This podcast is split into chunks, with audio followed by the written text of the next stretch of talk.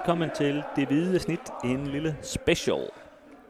Mit navn er Dennis Bjerre, og lige ved siden af mig sidder Kim Robin Gråhede. Vi har indtaget øh, pedalens kontor, og i dag har vi sat os for at finde ud af, hvem der er de 50 bedste spillere i AGF's historie. Intet mindre. Ja, det er en voldsom opgave, Det, har- det har været en rigtig voldsom opgave. må man sige. Det har, det har fyldt lidt hen over, over den seneste tid. For det, øh, det er ikke bare lige sådan en opgave, man lige, øh, man lige løser med, ved at, at google lidt og Nej, det kan man jo de sige. gamle Det, kampprogrammer osv. det kan man jo sige, det, øh, man, man kan jo selvfølgelig lave den hurtigt, øh, hvis man vil. Ja. Men, men vi har sat, sat en lille ære i at, at forsøge at lave den øh, så godt som vi kan. Øh, vi har også øh, fuld forståelse for, at, at øh, folk vil jo helt sikkert ikke være enige med vores liste. De har et eller andet, som de synes skal være lidt over lidt under. Men vi har prøvet at, at afveje. Vi har vores, øh, vores egen hukommelse og vores egen oplevelser, men vi har især også øh, spurgt en, øh, en masse folk, som øh, ved rigtig meget om AGF og rigtig meget om fodbold, hvad, hvad de kan huske. Så det er vel ikke nogen hemmelighed, at øh, vi er også lidt tilbage i, i, i, i, tiden med mange af navnene. Øh, mange er også døde og så videre, så vi kan ikke øh, tale med dem selv, men, øh, men vi har øh, i al beskedenhed lavet et, øh, et ret stort stykke arbejde på, på baggrund af det her, som vi, øh, vi prøver at... Ja, det må man sige, og vi har jo lavet en, en ramme omkring den her top 50, at det er fra, øh, fra slutningen af 2. verdenskrig og frem, fordi ellers så vil det være endnu mere uoverskueligt, end det, det har vist sig at, at, at være hen ad vejen.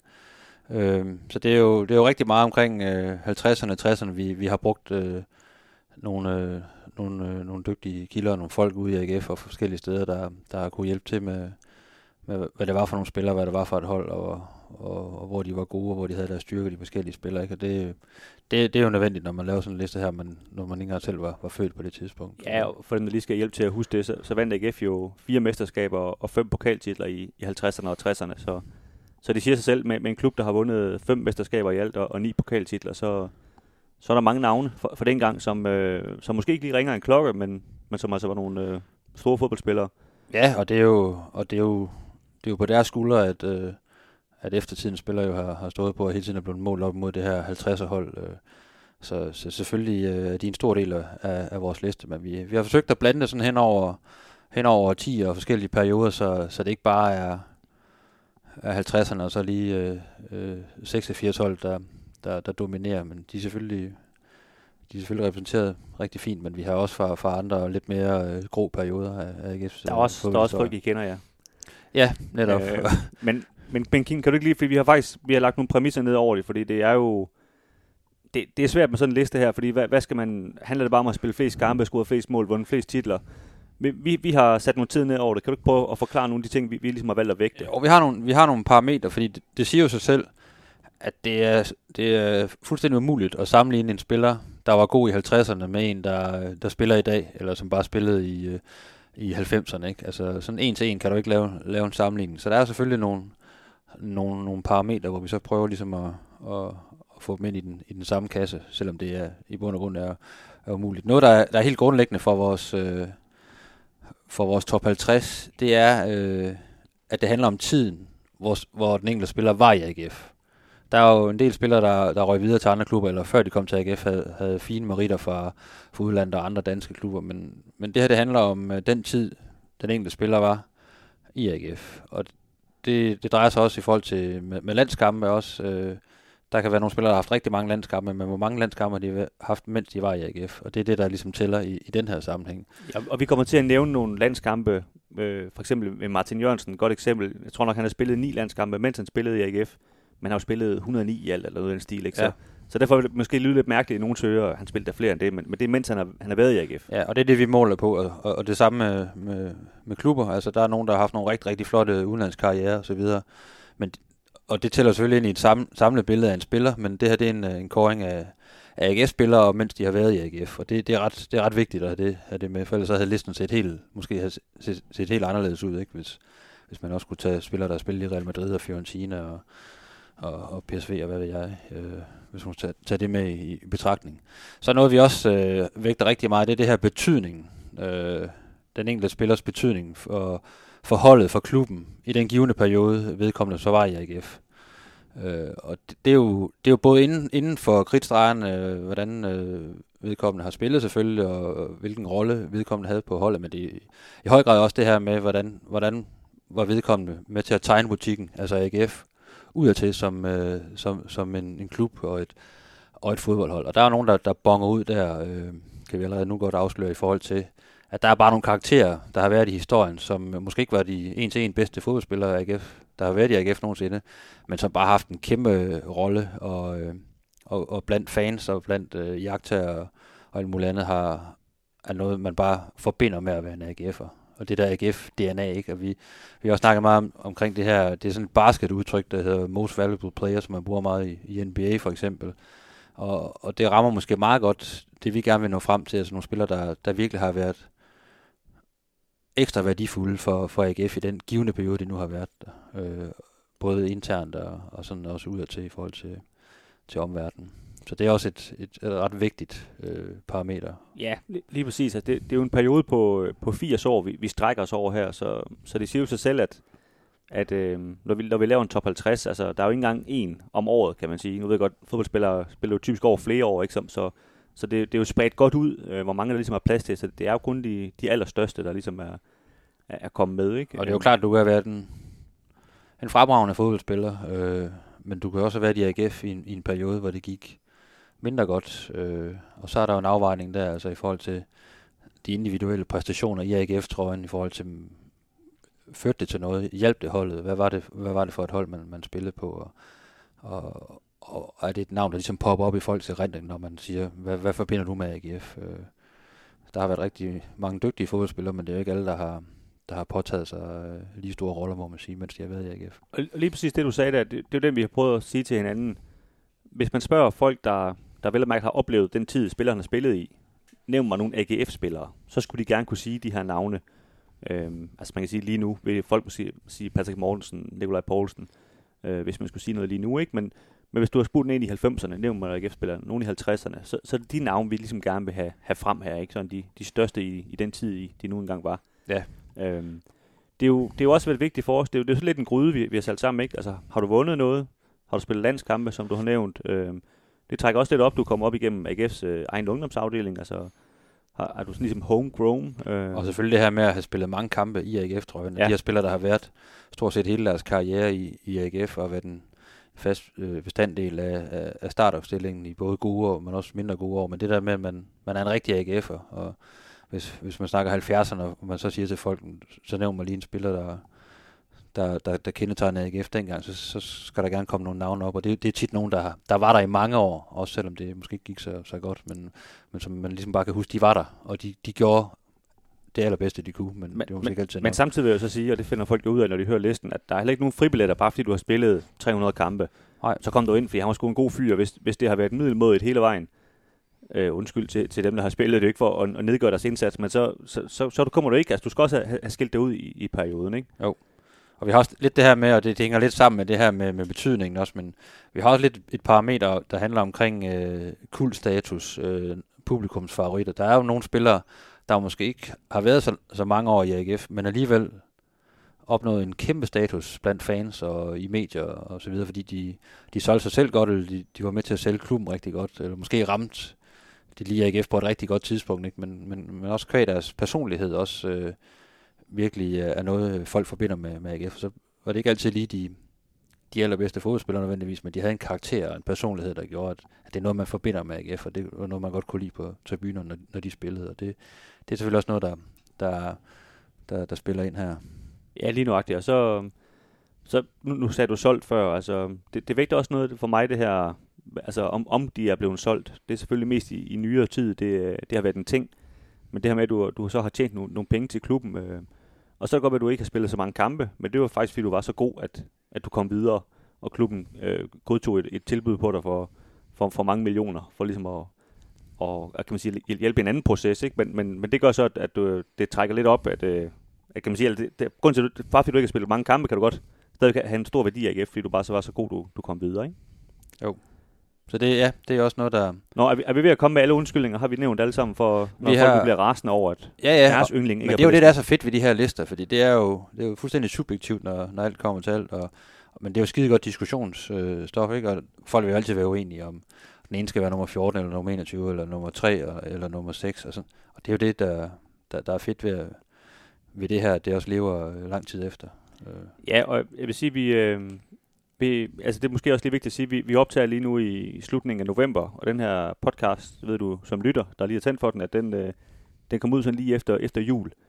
Og det er fordi, at, øh, at vi bringer den her liste over hele december som en slags øh, lille julekalender. Og så øh, vil vi selvfølgelig ikke afsløre nummer et i podcasten, før den er også afsløret i avisen. Så, så derfor har, kan man sige, har podcasten lige ligget gemt i en, øh, i en måneds tid, øh, inden du hørte den.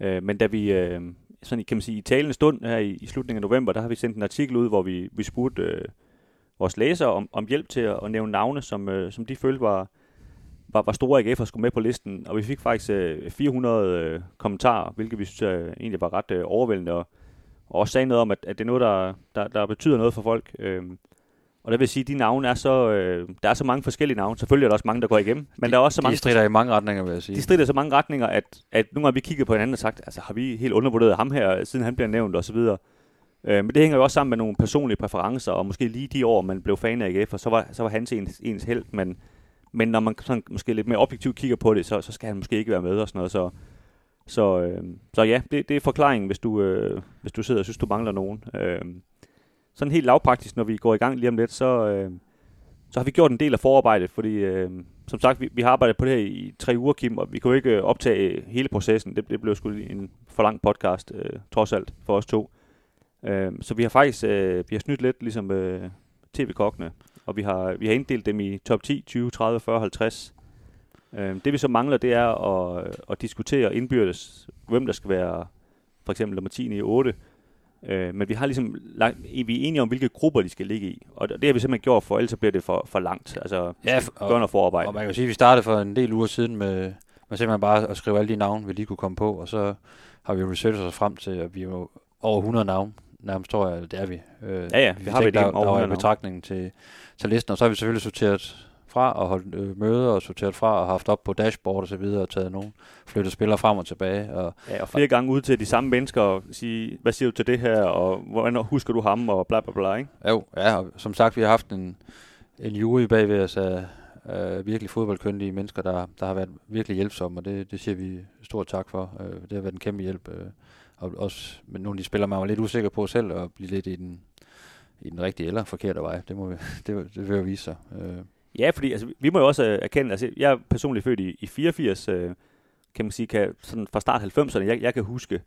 Øh, og der er klart, der er nogle spillere, som, som jeg måske også lige husker sådan lidt mere romantisk, end, end de måske egentlig var, når, når det kom til stykket. Ikke? Og nu har vi selvfølgelig også siddet og læst op øh, på, på de her spillere, og, og sådan er det jo sikkert også med dig, som, som jeg, du sådan, kan man sige, har, har 80'erne som dit første årti, du, øh, du er fuldt med. Ikke? Øh, og, og sådan, det kan vi også høre, når vi snakker rundt, alt efter hvad alle folk har. Altså, der er nogle navne, som, som de, de selv husker som nogle store kanoner, som, men sådan set i det store billede, så, så kan det måske godt blive lidt, lidt, lidt udvisket lidt pludselig. Ikke? Det er klart, mens man sådan vokser op, og man begynder at komme på stadion med, med ens far, eller hvem der nu tog en med på, på stadion, og senere var det, var det kammeraterne. Ikke? Men øh, det, det, det, er jo nogle år, der fylder rigtig meget i ens bevidsthed, og, og der havde man virkelig øh, noget heldigdyrkelse indover og så videre. Ikke? Så det, det er jo klart, man har nogle præferencer for en spiller, man, man, man, man selv har oplevet på, på, på stadion. Ikke? Men øh, så vil det jo altid være. Og, øh, ja, lad os se, om vi kan, hvad vi, hvad vi finder frem til. Nu mangler der kun to minutter. Sensationen lurer. Og Lars Windfeldt står helt fantastisk. Sidste minut. Sauvignon igen.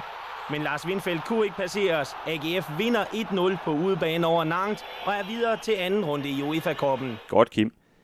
Vi starter med øh, fra plads 41 til 50.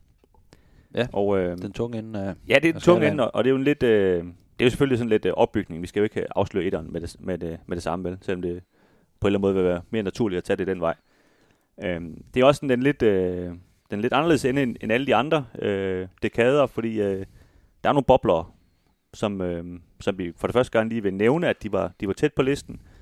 Øh, men også fordi der faktisk er... Øh, det, her har vi ligesom givet os lov til lige at have lidt uh, diskussion til, hvem der egentlig skal ind. Vi, der er nogle få navne, vi ikke er, er helt enige i endnu. Øh, men hvis nu jeg lægger ud og siger nummer, øh, nummer 50, ja. hvem har du skrevet op der? Der har jeg øh, Patrick Mortensen. Patrick Mortensen, nu for at, være, angriber. for at være helt frisk for fad, så, så starter vi med en, der er i, i, i klubben nu. Øh, man kan sige, at han har ikke haft en stor sæson i den her sæson, men, øh, men indtil da har han jo haft et, et målsnit, der jo nærmest er det bedste i, øh, i AGF's historie, for, øh, i hvert fald i nyere tid, øh, for en angriber. Øh, og han, øh, jeg synes også, vi, vi skal have nogen spillere, der også er her nu, altså, og der er han ligesom øh, ham, der, der i høj grad har været med til at tegne butikken de, de seneste sæsoner med, med hans mange mål for AGF, og, og det her med, at AGF er, er kommet op og, og leger med i toppen igen efter mange, mange sløve år, kan man sige, resultatmæssigt. Ja, og det, det, er jo det, er det, vi har talt om, at, at vi vil ligesom gerne lige markere, at, at øh, der, der også skal være en nuværende spiller øh, på den her top 50. Så må vi jo se øh, med tiden, om man kan, kan spille sig endnu længere frem på, på listen, men, øh, men øh, ja, lige nu står han der. Jeg tror ikke, han, han behøves øh, nærmere præsentation. Nej, nej, nej. Det, det er fint, han, øh, han napper øh, plads 50, synes jeg. Nummer 49, Kim. Hvad har du der? Ja, hvad har jeg der? Der har jeg en øh, Lars Windfeldt. Lars Windfeldt, målmand i 90'erne, der kunne score på et udspark en gang. Ja, det gjorde han nemlig. Var det herude på... Øh, ude på Aarhus Stadion, ja. ja.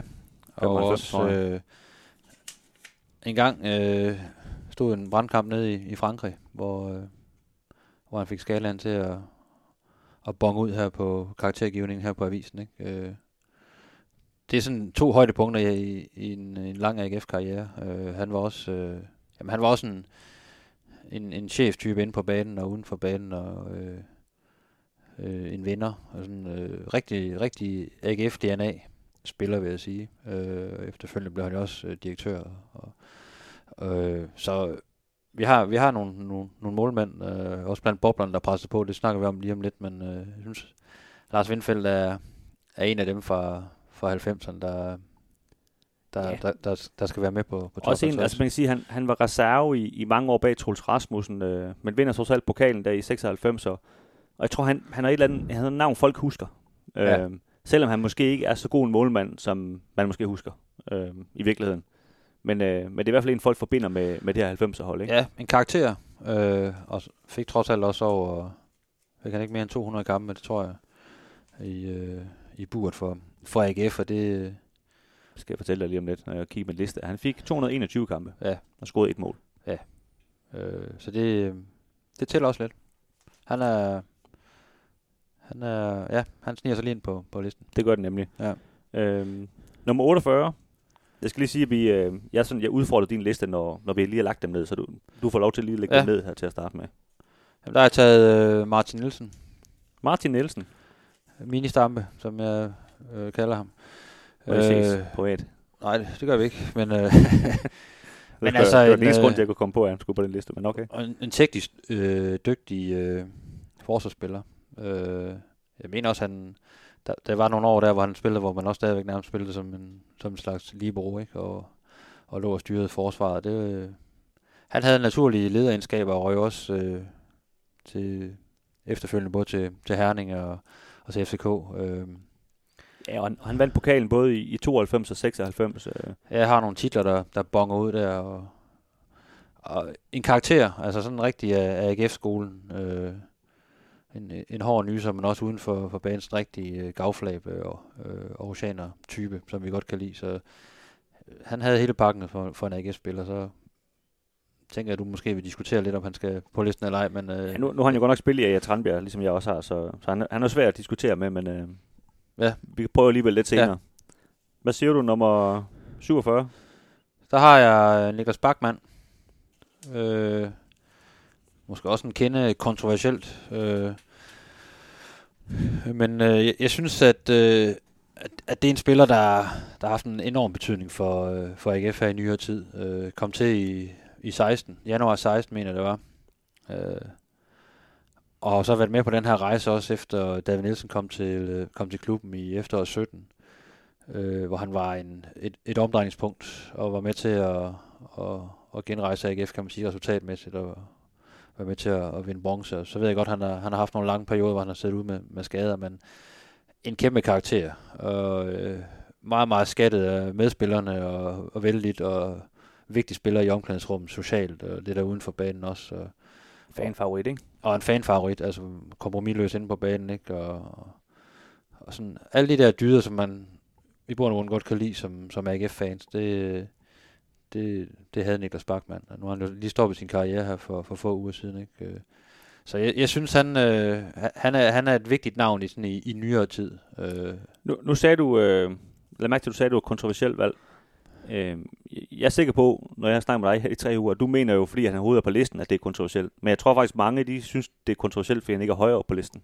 Ja, det, det kan være, men det er jo, det er jo så igen det her, det her subjektive, ikke? Og folk, der, der måske ja, mest tænker sådan uh, helt, helt, det helt dugfriske, ikke? Det, og der, der er han jo en kæmpe karakter, har fyldt rigtig meget, øh, men som man også kommer til at, at se, øh, når vi kommer længere frem, altså det er jo også, det er jo også hæftige navn, han sådan er op imod. Der er en tung dreng. Og han har trods alt, i de, de år han var i AGF, var der også lang periode, hvor han, hvor han ikke spillede, det skal man også huske. Men når han spillede, så var han, så var han alt afgørende for AGF. Øh, der var lige en kamp nede i Mure, hvor det ikke gik så godt, men så var han jo omdrejningspunktet defensivt. Og det, det, det glemmer man nogle gange, ikke? Øh. Og så vil jeg bare sige helt grundlæggende, en, en mand, der kan juble over sine egne taklinger, som han kunne, det, det fortjener sgu en plads på listen. Jamen, det er så AGF, som noget kan være. altså, så, det, det, så, så jo, han, øh, jeg synes, han fortjener en, øh, en, en, en plads på, på listen også. Godt. Nummer 46. Der har jeg en, øh, en 70'er dude, øh, Kurt Ross. Øh, anfører øh, forsvarsspiller i, i slut 70'erne. Var han også med? Ja, han var også med i start 80'erne, mener jeg. Øh, det kan du lige tjekke op på. Øh, 77 til 79. Ja. 95 øh, kampe. Ja. Men en, øh, som vi har ligesom øh, fået fortalt, en, en hård nyser, der, der gik til stålet, og, øh, og også var en, ja, publikum godt kunne lide. Øh, AGF havde, altså 70'erne var jo ikke en fantastisk tid for, for AGF, i hvert fald ikke øh, sådan de første 5-6 år af 70'erne, men øh, de rykker så op, er det, det er 76 eller 77, de rykker op i første division efter at være de næstbedste række i en, en del sæsoner. Og det er ligesom her opbygningen mod det her stærke 80'er hold begynder, og det, er, det er Kurt Rossen en, en stor del af, at, at få bygget noget op i, i AGF, og de vinder, øh, de vinder også bronze i, er det i 78, tror jeg det er. Mm. Øh, I hvert fald der til sidst i 70'erne, ja. ja. Øh, og det er han jo med til, og det er jo ligesom, er ligesom fundamentet til, at der, der kommer nogle, nogle, nogle rigtig, rigtig gode år øh, derefter, og, og det, som jo så kulminerer med mesterskabet i, i 86. Så jeg synes, det er vigtigt også at have de her spillere med, der ligesom øh, efter en rigtig svær periode og mange dårlige år, så, øh, så lagde de ligesom fundamentet for, for den succes, der kom øh, op igennem 80'erne. Og der var han en vigtig spiller på det her hold i, i slut 70'erne, de, ja, de sæsoner han var her. Og derfor så, så selvom det kun var to sæsoner, to-tre sæsoner, så, øh, så han en, en, øh, var han en vigtig mand for, for genrejsningen af AGF der. Lige præcis, og helt grundlæggende kan vi jo sige, at øh, 50'erne, 60'erne, 80'erne, 90'erne er gode perioder, derfor er der også mange spillere fra den tid. 70'erne, 0'erne og 10'erne, knap så gode perioder, så der er færre spillere med for, for Ja, der tid. var også slut 60'erne, altså eller en stor del af 60'erne var heller ikke sådan øh, vanvittigt godt. Der er, en, der er sådan en pokaltitel der, ikke? men der, der var også nogle svære år, øh, især i slut 60'erne op mod 70'erne, så, så ja, det afspejler selvfølgelig også listen. Men, det gør det, ja. Nå, vi skal videre, Kim. 75. Ja, Jamen, 75. 45. det er fordi, det er fordi vi snakker så meget om, øh, om 70'erne. Om 70'erne, ja. Jamen der har jeg øh, Søren Andersen. Søren A. Mr. Skudfinde. Øh, Mandarinen. Ja. Han kunne lave mål. Øh, det er sådan en, der har, der har, der har delt vandet lidt, når vi har diskuteret øh, med hinanden, hvilket vi jo ret tit gør, øh, øh, og med andre herinde på avisen der selv mener, at de har en indsigt i, hvad der foregår i AGF og har foregået, og, og selvfølgelig også de her øh, folk, vi har, vi har allieret os med uden for huset, øh, fodboldeksperter, accessorer, tidligere spillere.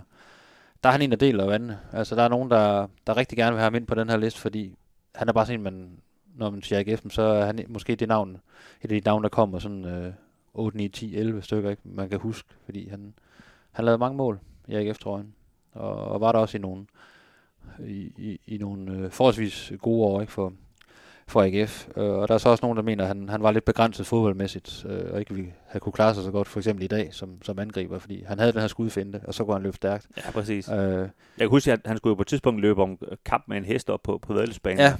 Det, det, det kunne noget der i begyndelsen af 90'erne, ikke? Ja.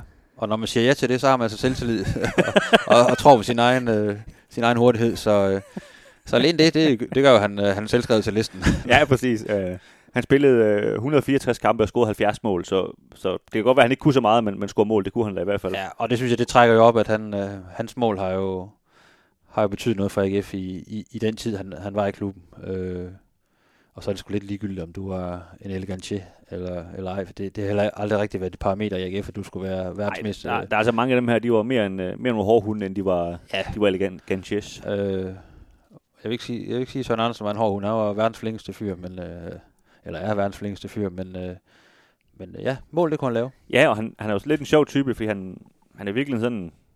Jeg tror ikke, han går så meget op i fodbold i virkeligheden. Han kan godt lide at spille fodbold, men ja, han, han, er, han er ikke en type, der sidder til at se fodbold hele tiden. Men, Nej. øh, men han kan godt spille det, og det, øh, Ja. ja, det var han som, som sagt god til. Og nu, er vi ikke, så går vi ikke så meget op i, hvor, hvordan spillerne klarer sig i andre klubber, men øh, han, han har jo altid lavet mål, mål i de klubber, han nu har været i øh, rundt omkring. Ja, OB OB kommer Øh, videre til ja. ja. efterfølgende, ja. Så han kunne lave mål, og det, øh, det, det, det, det bonger ud her, så han kommer ind på, på listen, ja. Det må man sige. 44. Har jeg Henrik Super Mortensen. Ja. Ham er der også mange, der, der husker. Øh, eller nævner. Ja. Øh, når vi spørger ud på sociale medier, ikke? Altså, øh, en, vi- altså, en virkelig, virkelig dygtig fodboldspiller.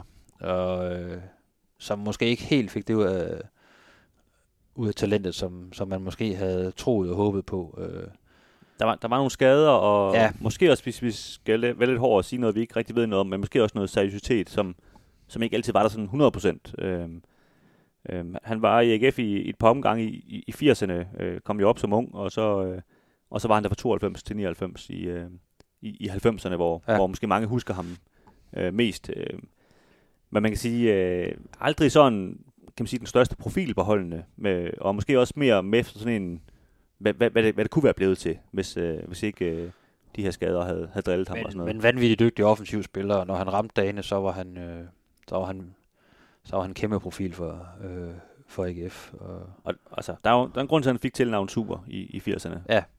Og vandt også nogle medaljer med dem, og med AGF, ikke? Og, og en po- pokaltitel. Øh, Ja. Så øh, han kunne godt have været længere op på listen, hvis, øh, hvis talenter var blevet forløst øh, lidt mere, fordi det, han er, han er de, en af de mere talentfulde spillere, der har været i AGF gennem tiderne, det må man sige. Det må man. Men øh, ja, han skal med. Det, det er der ingen tvivl om. 43. Ja, så er vi, øh, går vi lidt tilbage til, til 60'erne. Ove Adler Sørensen. Og som vi lige har været inde på, så havde AGF nogle, efter en, en fantastisk periode der i, øh, i 50'erne, især for de her tre mesterskaber i træk 55, 56, 57 og også øh, i, er de 60 også, de vinder det, mm. Det fjerde, ikke? Så, så kom der øh, nogle svære år derefter, øh, hvor holdet selvfølgelig blev målt meget op mod det, der, var, der havde været tidligere. Øh, og der var han en af de sådan gennemgående figurer, en af dem, der spiller mange kampe og, og trak læsset i en, øh, i, i hvert fald i pe- periode, rigtig svær, øh, svær periode. Ja, De, de møder faktisk, øh, er det efter 60, der møder de faktisk, er det Benfica, de møder i øh, Kvartfinalen, me- mesterholdenes Europacup i kvartfinalen. Ikke? Ja. Øh, øh, og det var sådan, var det lidt et, et punktum for, for de rigtig, rigtig gode år der, kan man sige. Der, der kommer så også en, en pokaltitel lidt senere, men, øh, men han, var, han var en gennemgående figur, en mange nævner af, af de eksperter, de øh, kender, vi, vi har snakket med, at øh,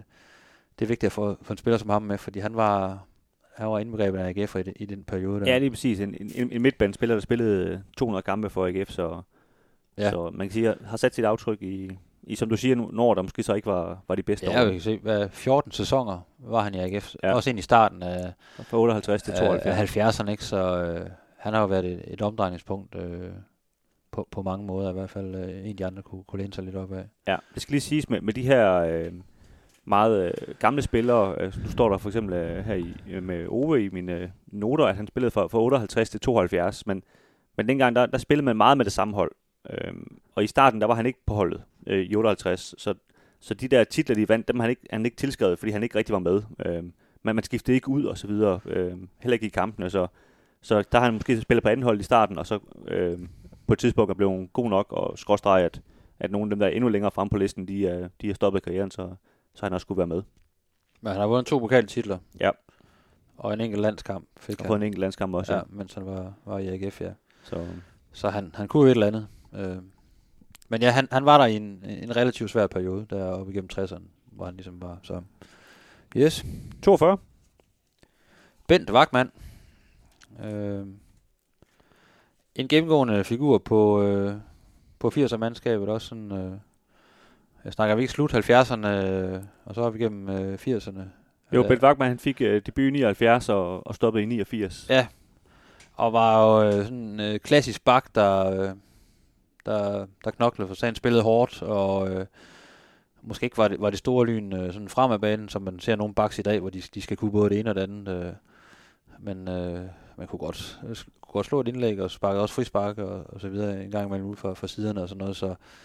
Men, men spillere, der har spillet rigtig, rigtig mange kampe i, i AGF, er det tæt på 288. Øh, 200? Ja, og, og lige med ham er det, det er måske et fint sted at tage det op, fordi AGF begyndte for, for det halvår tid siden at, at tælle på en anden måde, øh, når de talte kampe op, og, og det gjorde så kun udslag for, for 80'er-holdet, øh, og uden det skal blive for, alt for detaljeret, men, men det betyder, at de tilskrev en, en masse kampe til de her 80'er-spillere. Øh, vi har forsøgt ikke at tage de kampe med, fordi det er ikke sammenligneligt med alle de andre. Det er det, de kampe, når vi siger 288 til Ben Wagman, så er det mest ligakampe øh, og pokalkampe. Og så er der alt muligt andet øh, skrald, han har sagt, med noget Toto Cup og Grand Prix-kampe og alt muligt, de spillede dengang. Øh, og der, der kan man sige, der ryger han op på 450, eller tror jeg, hvis du tager, hvis du tager dem med også. ja for han spillede jo nærmest hver gang. Jo. Han, han spiller nemlig hver gang, Ja. så, så, men det er bare lige for at sige, at, at nogle gange kan man godt have hørt nogle tal, hvor man tænker, det kan jeg ikke kende det tal. Men, men vi har forsøgt at, at have det her øh, rene tal, men, men øh, det er, må jeg bare lige sige, det er en jungle. Øh, hvor mange, man skulle Ja. tro, at det var noget, der bare stod sort på hvidt. Øh, og det gør det også fra, fra 91 og frem, hvor, hvor, hvor Superligaen kom. Men, men før det, der, der er det nogle gange lidt som at stikke en, øh, en finger op i, i luften og finde ud af, hvor mange kampe og, og, og mål øh, folk har, folk har for, for AGF. Så, men altså, vi har forsøgt at at ramme det, og, og selvfølgelig om, om det lige er 280 eller 260, det er jo heller ikke sikkert øh, altid, det er, det er lige så vigtigt, vel? Det er for at give en idé om, om de har spillet mange kampe eller ej. Men, øh, men som du siger, Ben Wagman, altså en, en mand, der, der, der har delt vandene, også når vi, når vi har snakket med folk. Altså, der er faktisk nogen, der vil have ham helt ud. Øh, der er nogen, der vil have ham endnu længere op. Øh, det, det er sådan lidt... Øh, man kan sige, Ja. han, han, var jo ikke, han var ikke verdens største fodboldspiller jo, men, men, men virkelig en, der kendetegnede det her, det her 80'er hold, som, som selvfølgelig også som flere andre, ikke? Men, øh, Men det vægter også lidt det her med, at vi, vi har også talt med nogen, der rent faktisk har spillet mod ham øh, på modstanderhold. Øh, og der, der bliver han altså talt op, at han var, han var en led kal og, og spiller over for os svær at, at, at have med at gøre. Ja. Øh, og han, han, der blev jo et fremhed, han havde den der arrogante AGF-attitude, som de skulle have i 80'erne. Ja. Ja. Det, det, så vi også som en positiv det, ting. det er jo et kæmpe plus. Ja. det, det kan vi godt lide at høre. Og så har han altså bare været med til at, at vinde rigtig meget. Altså øh, med på det her hold, ikke? De, de vandt jo medalje, var det seks år i træk der i, i, i 80'erne. Og de kulminerede selvfølgelig med det her mesterskab i, i 86, men de var, de var, et, altså de var et fast tophold Ja. i den bedste række. Og, øh, og vandt også øh, pokalen. Ja, to, to pokaltitler har han også, ikke? Så, så, øh, så han har været med til at, at, at vinde rigtig meget. Øh, Så kan man så diskutere, om man, man vinder noget ved at vinde og få sølv eller, eller bronze. Det, det er jo sådan lidt forskelligt fra, fra spiller til spiller, men øh, han var med på et hold, der var i toppen i rigtig mange år. Ja, det var han. Og så derudover har han jo så øh, haft en rolle i AGF, øh, stort set lige siden øh, uden for banen. Men, men altså, det, det forsøger vi at, at ikke at, at vægte. Altså, vi forsøger, at, det er det, du har gjort på banen, vi, vi tæller med. Men, men øh, det kan jo selvfølgelig godt være svært at, at se, se udenom, øh, når, når, når man har haft så stor betydning også uden, øh, Ja. ja. uden for banen, som han har. Men en, der tit bliver glemt i forhold til det her 86 hold, ikke? Men, øh, men han var altså han var fast på holdkortet hver gang. Det, det borger for, for en vis kvalitet. Præcis. Nummer 41. Ja, Kim Sander. En, øh, en nok det mest tragiske historie, vi har på, på listen. Øh, jeg kan lige sige, at når man, når man sådan, øh, igen det der med, når man spørger ud, især hos, øh, hos folk, der kan huske tilbage i tiden, og især blandt en del af de eksperter, vi har snakket med, så er han også et navn, der, der bliver nævnt øh, ofte, øh, fordi han simpelthen bare var en, en fremragende fodboldspiller. Øh, øh, rigtig, rigtig dygtig øh, på, på mange parametre. Kunne også lave mål og kunne arbejde, øh, kunne arbejde med bolden, når han fik den, og, og skabe noget, og, og kunne også arbejde den anden vej. Så han var sådan en, øh, han var bare en indbegrebet af en god fodboldspiller. Øhm, jeg kan ikke engang huske, hvor mange kampe han egentlig fik. Han, han fik otte- 98 kampe at spille fra, fra 78 til 83. Ja, og igen, det er lidt det samme som med, med, med Kurt Ross. Altså, nu spillede han i længere tid øh, end, end Kurt Ross, men var med til ligesom at, at starte den her motor op, som så blev, blev rigtig godt kørende op igennem, øh, op igennem 80'erne. Ikke? Og øh, ja, og det tragiske det er selvfølgelig, at han, øh, han døde blot 35 år gammel, øh, hvor han øh, noget sklerose, han, han fik. En, ja. En aggressiv form for sklerose, som, hvor det gik rigtig, rigtig stærkt. Øh, og det, det er selvfølgelig øh, alt, alt for tidligt for, for et menneske at, at, at sige farvel til den her verden. Ikke? Så det er en lidt barsk historie, men øh, det er godt at hu- huske tilbage på, at, øh, hvor dygtig en fodboldspiller han, han, han, øh, han var. Jeg mener også, at han fik nogle landskampe. Kan det passe? Han fik øh, Han fik et par stykker, gjorde han ikke? to stykker, jo. Jeg mener, han, øh, To stykker. Han faktisk, var det i hans debut, eller hvor han faktisk lavede et oplæg til, til et Michael Laudrup-mål? Jeg, Altså, han så meget nede i noterne har Jamen, jeg, har, jeg, har, jeg har øh, læst lidt op på, på en gammel artikel, vi havde skrevet her, hvor han fortalte om, at han, øh, at han, havde, han havde lagt op til, til Michael Laudrup, og det var han, det var han vældig stolt af. Så, så han, var, han var også inde i loopet omkring, øh, også på et tidspunkt, hvor landsholdet begyndte at, at røre på sig. Ikke? Jo, Og- lige præcis. Og, og var god nok til at komme og være med der. Hvis, øh, nu havde vi de her bobler, som vi nævnte tidligere. Dem, øh, dem synes jeg lige, vi skal nævne. Øhm, man kan sige, for det første er der en, øh, en målmandsting med øh, Steffen Rasmussen. Ham kender de fleste. Har spillet rigtig, rigtig mange kampe for AGF. Øh, nummer to på, øh, på listen over flest kampe. Og så er der en øh, Ole Vendelbo. Har også spillet rigtig, rigtig mange kampe. Stod i- 400 kampe eller sådan noget. Ja, stod i, øh, i stort set i- hele vejen igennem 70'erne. Ja. Øh, en periode, hvor, hvor AGF, øh, lidt ligesom Stefan Rasmussen, ikke var, var, var specielt gode, og også var nede og dykke i næstbedste række osv. Øh, de er begge to ikke på listen. Øh, Der er også en Ben Martin, der stod Og Ben Martin øh, også, ja. i, i, i 60'erne. stod i 60'erne. Øh, Og røg til skotsk fodbold. Øh. parentes bemærket, øh, far til, til Camilla Martin, øh, badmintonspilleren, som vi sikkert også er for gamle, så vi, vi kan huske, og ingen andre kan huske, men det er hende, der er tv-vært nu om dagen. Hun har spillet badminton en gang. Jeg kan godt huske, hun har spillet badminton. Ja, men du er også gammel, men alle de unge. Ja, ja. Øhm, men øh, ja, med de tre målmænd, dem, øh, dem har vi valgt fra, og, og ja, så den, kan man sige, den korte forklaring er jo, at, at der var andre, der var bedre end dem, men, men, men jeg synes, det, det er tre målmænd, der har haft en, en stor øh, indvirkning på AGF's historie, som fortjener lige benævnt i hvert fald. Og man kan jo sige, det, det virker lidt hårdt med, med nogle spillere, øh, som egentlig bonger ud på at have, have haft rigtig, rigtig mange kampe og stået mange år øh, og været i AGF i rigtig mange år. Ikke? Øh, men, øh, men der er andre målmænd længere op på listen også, øh, som måske bare har, har, har gjort det endnu bedre øh, og, og spillet på nogle, nogle bedre hold. Øh, så øh, ja, så de klarede ikke snittet, men øh, de skal bestemt nævnes for... Det skal de. Hvor- Og, øh, og på, på samme måde har vi, øh, vi har nogle 80'er spillere, som, som der ikke blev plads til, som, som vi også godt øh, vi har haft med. Øh, Frank Pengel, en, en mand mange, mange kender. Jan Lauridsen øh, var også god til håndbold, udover at han var god til fodbold. Øh, Allan Reza, er også en mand, der gik op i, han kom i, til AGF igen i, i 90'erne. Øh, var kendt med sit øh, mikrofonhår. Ja. Og så, øh, Jeg vil så, sige, det var egentlig, jeg var meget i tvivl om, at han ikke kan skulle ind på, på listen. ja, ham, ham har du talt meget for. Ja, Han kunne kaste nogle lange indkast. Jamen, jeg kan bare huske, at han, øh, han var en dygtig offensiv spiller. Øh, og lidt det samme også med, med en Tommy Christensen, der, der, der debuterede som, som 17-årig. Det, det er jo så som slut 70'erne. Øh, og røg til PSV. Eindhoven var dernede og kom så tilbage og blev faktisk topscorer i, for AGF i, i den bedste række.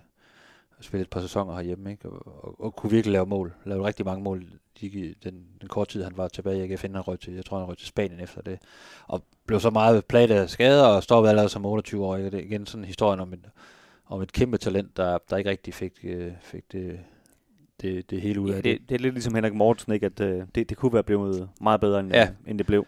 Øh, Øh. men, men vild historie, altså han spiller fire kampe for AGF til at starte med. Øh, lidt, Scorer, scorer i sin debut som 17-årig mod Hvidovre. Ja, og så bliver han så solgt til PSV, Ja. øh, og kommer tilbage igen og bliver topscorer, så, så han har sat sit aftryk trods alt, det må man sige. Ja. Øh, så er der et par, øh, kan man sige sådan lidt, lidt måske lidt kult spillere, øh, Bo Harder, som øh, blev pokalfighter i, i 92, og, og Gunnar Lind, som jo ja, bare er kult, simpelthen.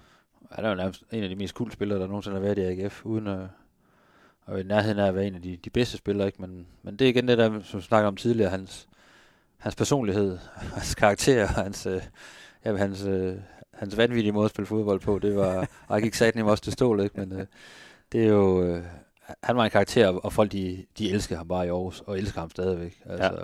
Og inden på den, på den baggrund kunne han jo næsten komme ind i, i, i top 50, men der er alligevel nogle, nogle, øh, nogle navne, der vejer lidt mere der. Ja, præcis. Historisk set, synes jeg. Så har vi nogle, øh, nogle moderne navne. Øh, Arne Johansson skruede rigtig mange mål i, i en kort periode. Øh, Jakob Poulsen øh, spillede også på landsholdet for AGF, kom med til VM for, for AGF, men rykkede også ned. Og jeg synes, at han, han var med i en, en kort periode til at trække, trække AGF op, øh, sådan niveaumæssigt. Øh. Men i, og en spiller, man kan sige, vi har rigtig, rigtig stor respekt for, især også øh, altså årene, ja, både faktisk både før og efter AGF, hvor Ja. han jo både med Esbjerg og FC Midtjylland har, har gjort øh, utrolig flotte ting, men, men for ikke der, der, der, der kørte det aldrig øh, 100%, selvom han kom på landshold trods alt og, og leverede godt, ikke? Men, men holdet han spil på var mildt sagt ikke øh, særlig godt. Og så øh, Jens Jønsson, øh, kan man sige, en, en nuværende spiller, som, øh, som tog fra AGF i, i 2016. Øh, han øh, var også i spil. Øh, rigtig, rigtig god spiller, men igen, spillede på de her øh, lidt magre hold, øh, var med i første division i, i 14-15, og, og var med til at, at spille de første år under Vihorst og Ridersholm, som, ja, hvor, hvor det aldrig kom helt op at ringe. Nej, han bliver, også, han bliver også lidt ramt af det her med, at han bliver også flyttet frem og tilbage. Øh, så mangler man en, han vil jo helst spille centralt på midtbanen, men så mangler man en midtstopper, og så er han jo så, trods alt så dygtig en spiller, at det kunne han jo godt. Øh, og så kommer han ned og spille midtstopper, selvom det magtede han egentlig ikke, men han gjorde det så godt, at han, han spiller ret mange kampe. Så han, han fandt aldrig sådan rigtig det der flow, hvor han, hvor han kunne blive sådan alt dominerende AGF-spiller. Øh, men vi kan jo se i dag, at, hvad han har drevet det til, og han fremragende midtbanespiller, ikke? Og måske ja, skulle spiller. man bare have ladet ham spille den midtbane der. Præcis, spiller nede i Spanien og, og var med i den seneste landskamp og så videre, ikke? Og fik trods alt 121 kampe for AGF også, og så har bestemt sat sit aftryk, og kom jo også op øh, igennem øh, ungdomsrækkerne, da han kom til fra, fra Ja, og det, og det trækker også op, men, men ja. Men ikke nok. Men, men var der nogle år, hvor, hvor det ikke gik så godt? Så har vi et par, par oldtimers, øh, som vi desværre heller ikke har fået plads til i øh, Gunnar Kjellberg og øh, Bjarke Gundlev. Øh, ikke nogen hemmelighed. To navne, der i en årgang var inde på vores, øh, på vores liste. Ja. Men som, øh, ja, som, som heller ikke lige klarede kortet. Øh, jeg kan sige om, øh, om Bjarke Gundlev, han, øh, han var venstre bak, øh, spillede i midt 50'erne til midt 60'erne. Øh, spillede 175 kampe for AGF. Øh, hans, øh, altså han, han var faktisk medlem af AGF, fra han blev 8 år. Han, han ville gerne være medlem tidligere, eller hans far ville gerne være medlem tidligere, men det kunne man åbenbart ikke blive dengang. Men blev så meldt ind på sin 8 års fødselsdag, og, og var medlem indtil han døde af, fik jo noget, noget svært demens til sidst, så han ikke øh, kunne huske sin, sin egen karriere, hvilket jo selvfølgelig er, er meget tragisk, men, men, øh, men han vandt øh, tre mesterskaber og tre øh, pokaltitler. Øh, men man kan sige, grund til, at han ikke, ikke altså det lyder jo helt voldsomt øh, i forhold til alle de andre navne, vi har nævnt, ikke, men, men grund til, at han så ikke er kommet med, fordi at han ikke var, var den bærende kraft på, på de her hold, der, der vandt de her, de her titler, ikke? Jo. Og ja, han var, han var sådan en, en, en rollespiller på det, på de her, de her hold, ikke? Øh, og vi har også snakket med nogen, der, der godt kan huske ham, da, da han spillede. Og en, øh, en fornuftig og solid spiller, men også en, en, en spiller, der, øh, der nogle gange havde sine udfordringer, når han mødte, mødte dygtige spillere. Og sådan, øh, så sådan lidt i, i enighed med nogle af dem, vi har, vi har snakket med omkring de her 50 hold, der, hvor de som sagt, hvis der er nogen, der skal være uden for top 50, så, så var han en af dem. Og så kan man sige, at Gunnar Kjellberg var ikke i AGF så lang tid, men var trods alt topscorer i 56 sæsonen, hvor AGF vinder øh, det andet mesterskab i træk. Øh, jeg tror, han lavede 15 mål, og det var så åbenbart nok til at blive, blive topscorer i, øh, i, i den bedste række. Men AGF havde, havde ret mange offensive spillere, der, der, der scorede mange mål, så øh, der har været nogen lige i halen på ham, som også har haft... Ja, der, der blev også scoret lidt flere mål dengang, skal man lige huske. Ja, men han var trods alt topscorer i første division. Han scorede flere end andre jo. Ja, ja øh, men ikke sådan en, der... Øh, han var der et par sæsoner, og så var han, så var han væk igen. Øh, ikke sådan en, der som, som folk snakker om, øh, samme måde som nogle af de andre, vi, vi, vi vender tilbage til. Godt, Kim. Skal vi... Øh... Nej, du har da lige Anders Bjerre, kan jeg se. Jeg har også Anders Bjerre. Han har du snakket utrolig meget om de seneste uger. du skal have lov til at snakke lidt mere om ham nu. ja, Ej, det er også hårdt, jeg en mand, der hedder det samme som mig, som jeg godt nok ikke er familie med. Men, ej, også et navn, som, øh, som bliver nævnt af mange, spillede i de her, jeg har sagt, de allermørkeste år, selvom man ikke trods alt ikke rykket ned, men, men fra 97 til, til 03, hvor, hvor det hele simpelthen var så pivring, det der foregik i AGF. Øh. Ja, og det fortsatte jo efter tre. Så. Ja, det, det, gjorde det så, ja. Men der stoppede Anders Bjerre trods alt og sagde, ja. nu skal jeg ikke være med mere. Men også en, øh, en, en god fodboldspiller, som, øh, som, som, som ligger lige på kanten af listen, men, øh, men ja, altså... Han blev fanget af, han, kom, han var i AGF øh, i en periode, hvor, hvor det var røv og nøgler, for ja. at sige det lige ud, efter Bosman han, dom og så videre. Skal jeg sige, han har jo også spillet som, som ungdomsspiller i ja. tidligere, men, men det, det er sådan den der, hvor hans, øh, kan man sige, hvor han kom tilbage igen, ikke? Og øh, ja, ungdomstræner, der taler rigtig pænt om ham, og virkelig en, en dygtig spiller, og et, et rigtig godt hoved, og, og forsøgte jo virkelig at trække det her AGF-hold øh, med sig, og ligesom tage, tage leder, lederstokken, dirigentstokken, ikke? Og vise en vej, men han var på en umulig opgave de år der, for det var, det var kummerligt hold, der var, der var sat sammen i de år der, ikke? Øh, men en rigtig, rigtig dygtig allround-spiller, der, der kunne mange ting, og, og prøvede ligesom at, at vise vejen. Men, øh, men han, han falder også på, øh, på det her med, at, at det var bare ikke godt nok i den periode. Øh. Ja, og altså, altså nu sagde du også, jeg bare der har snakket om ham, altså, han er måske sådan en, jeg godt kunne øh, overveje at forsøge at snakke ind på, på den her liste her, men, øh, men, øh, men ja, du ser helt, Jeg, jeg har lige du ser snakket ham ud. helt, helt skræmt ud ved tanken. Øh, men nu har jeg også en anden, som jeg skal forsøge at snakke ind, og ham vil jeg koncentrere mig om øh, til at starte med. Det er nemlig en, en mand, der hedder Jens Dage, Ja. som øh, jo spiller over i FC København ja. i øjeblikket, men, øh, men han spillede i AGF på et tidspunkt, indtil han blev øh, solgt for 20 millioner i, i 2019. Øh, og det er jo ikke fordi, at jeg synes, at Jens Dage i alle de, øh, de 3-4 år, han var i AGF, at han var en, en dominerende faktor, fordi i starten var han jo sådan set øh, næsten ligegyldig øh, og spillede bak og sådan noget, men, men der var også lige halvanden år, hvor han øh, spillede central midt, hvor, øh, hvor der var sådan nærmest en helt bevægelse omkring... Øh, Ja, hvis han ikke lige spillede angriber, eller, Ja, ja, eller højre kant, eller... Ja, men, men efter de har fundet ud af, at han kan faktisk godt spille midtbane, ham der Ja. ja. er, er rimelig god til. Det er lidt det samme forløb, han har i, over i FCK i øvrigt, hvor de er gået op for ham efter et par år, at øh, han er faktisk meget god, ham der. Men, øh, men ja, altså der var sådan nærmest en bevægelse omkring Jens Dage, hvor, hvor det var det nye AGF, og David Nielsens AGF, de skulle løftes på, på skuldrene af den her unge mand, som øh, kom ind for, for Jægergårdsgade. Og, øh, og det er jo ikke fordi, at, at Jens Dage han nødvendigvis er en, en bedre fodboldspiller end, end nogle af de andre, der er på listen, men jeg synes bare, det, det kunne et eller andet, det der med, altså den der bevægelse, der var i gang. Og jeg ved godt, så er der mange AGF-fans, der sidder og hører det her, det vil sige, øh, jamen, men det solgte han jo selv ved at tage til FCK. Men altså, AGF fik jo også 20 millioner den anden vej, og, det, og AGF kunne jo bare lade være med at sælge, hvis, øh, hvis det ikke var fordi, at, at ham, der solgte han nu, en, også er sportschef i FCK, men det er jo sådan en helt anden snak. Så, øh, så derfor øh, kunne jeg sådan set godt tænke mig at, at snakke om ind på den liste her. Øh, hvis jeg må indrømme, hvis jeg skal vælge en fra øh, af dem, vi har lagt på, de her 10, vi har lagt på, så er det, så er det Martin Nielsen. Øh, men jeg ved ikke, hvad du har at sige til dit forsvar. Der er ikke noget forsvar, jeg synes ikke, han, jeg synes ikke, han skal ind på en top 50. Jamen, hvorfor har du ikke have Jens Dage på? Jeg kan godt lide et sted. Jeg synes også, han er en god spiller, men jeg synes ikke, han nåede at vise nok øh, som AGF-spiller til, at, at øh, han kan komme ind på, på, på, på top 50. Altså, ja, han, han sluttede rigtig godt af og, og var en, en bærende kraft, men, men stadigvæk også på et tidspunkt, hvor AGF ikke rigtig havde, øh, havde fundet sig selv, altså i forhold til, hvor de er lige nu. Altså, det, der er trods alt sket nogle ting, efter, efter David Nielsen er, er kommet til, må man sige, sådan resultatmæssigt. Ikke? Øh, Ja, der, jeg, jeg, jeg må så også indrømme, der var, der var en af vores, øh, vores øh, folk, vi havde ud til her, der, der, der meldte tilbage, at, at han har jo ikke engang spillet top 6 med AGF. Nej. Og det må jeg indrømme, det, det gjorde lidt ondt øh, i forhold til, at, at, Ja. øh, at så stor var den bevægelse måske heller ikke. Jeg ved godt, de var på vej derop, og, og det selvfølgelig var Jens Dage, holdet var ikke blevet dårligere, at, at øh, han var forsvundet, så han, han havde også været med i den, Men- den øh, rulle. Men var han, var han blevet et par sæsoner mere, og øh, ha- havde været endnu mere med på rejsen, og havde været et omdrejningspunkt, så, så kunne det sagtens, øh, altså i min, i min verden, kunne han sagtens gå ind øh, i, i den her top 50, men jeg synes stadigvæk, der var for mange kampe, hvor han spillede højre bak, eller angriber, fordi der ikke var andre, eller øh, højre kant. Jeg husker en kamp i Horsens, øh, også, hvor han faktisk gjorde det fremragende, men han blev kastet rundt i lang tid, indtil man ligesom fandt ud af, at han skal sgu egentlig spille ind i smørhul, der er han egentlig rimelig god. Så der har været for få kampe, hvor han, hvor han har shine på den, på den plads, han, jeg synes, han, han skal spille.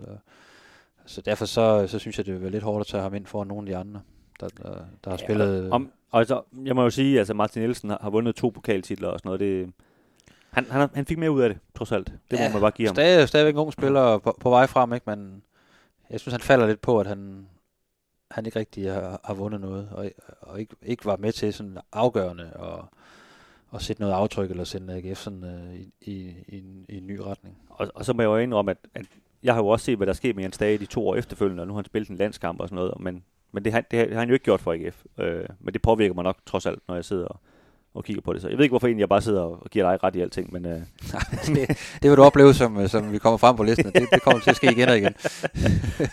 præcis. Øh, Men jeg synes, det var et frisk forsøg. Men øh, ej, han, er, han er en af de bobler, der presser på, men ja, så skulle Tommy Christensen eller Allan Reze eller Gunnar Kjellberg også være på. Ja, jamen, så må jeg hellere stoppe med at argumentere mere, fordi dem, øh, dem vil jeg ikke have på listen.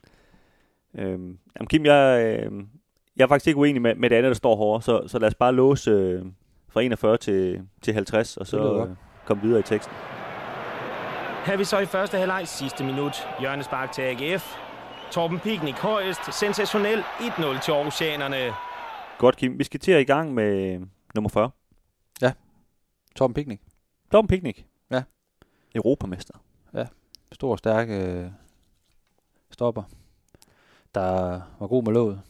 Øh, og det var han også, mens han spillede i AGF. Og, jamen, når man sådan, når man sådan spørger lidt øh, for sig også blandt tidligere holdkammerater, så var han jo han var en, han var en fremragende forsvarsspiller. Øh, primært, altså virkelig sådan en, der kunne forsvare et felt. Øh, gik til stålet. Øh, og var egentlig også forholdsvis målfarlig i den anden ende. Altså havde virkelig godt hovedspil.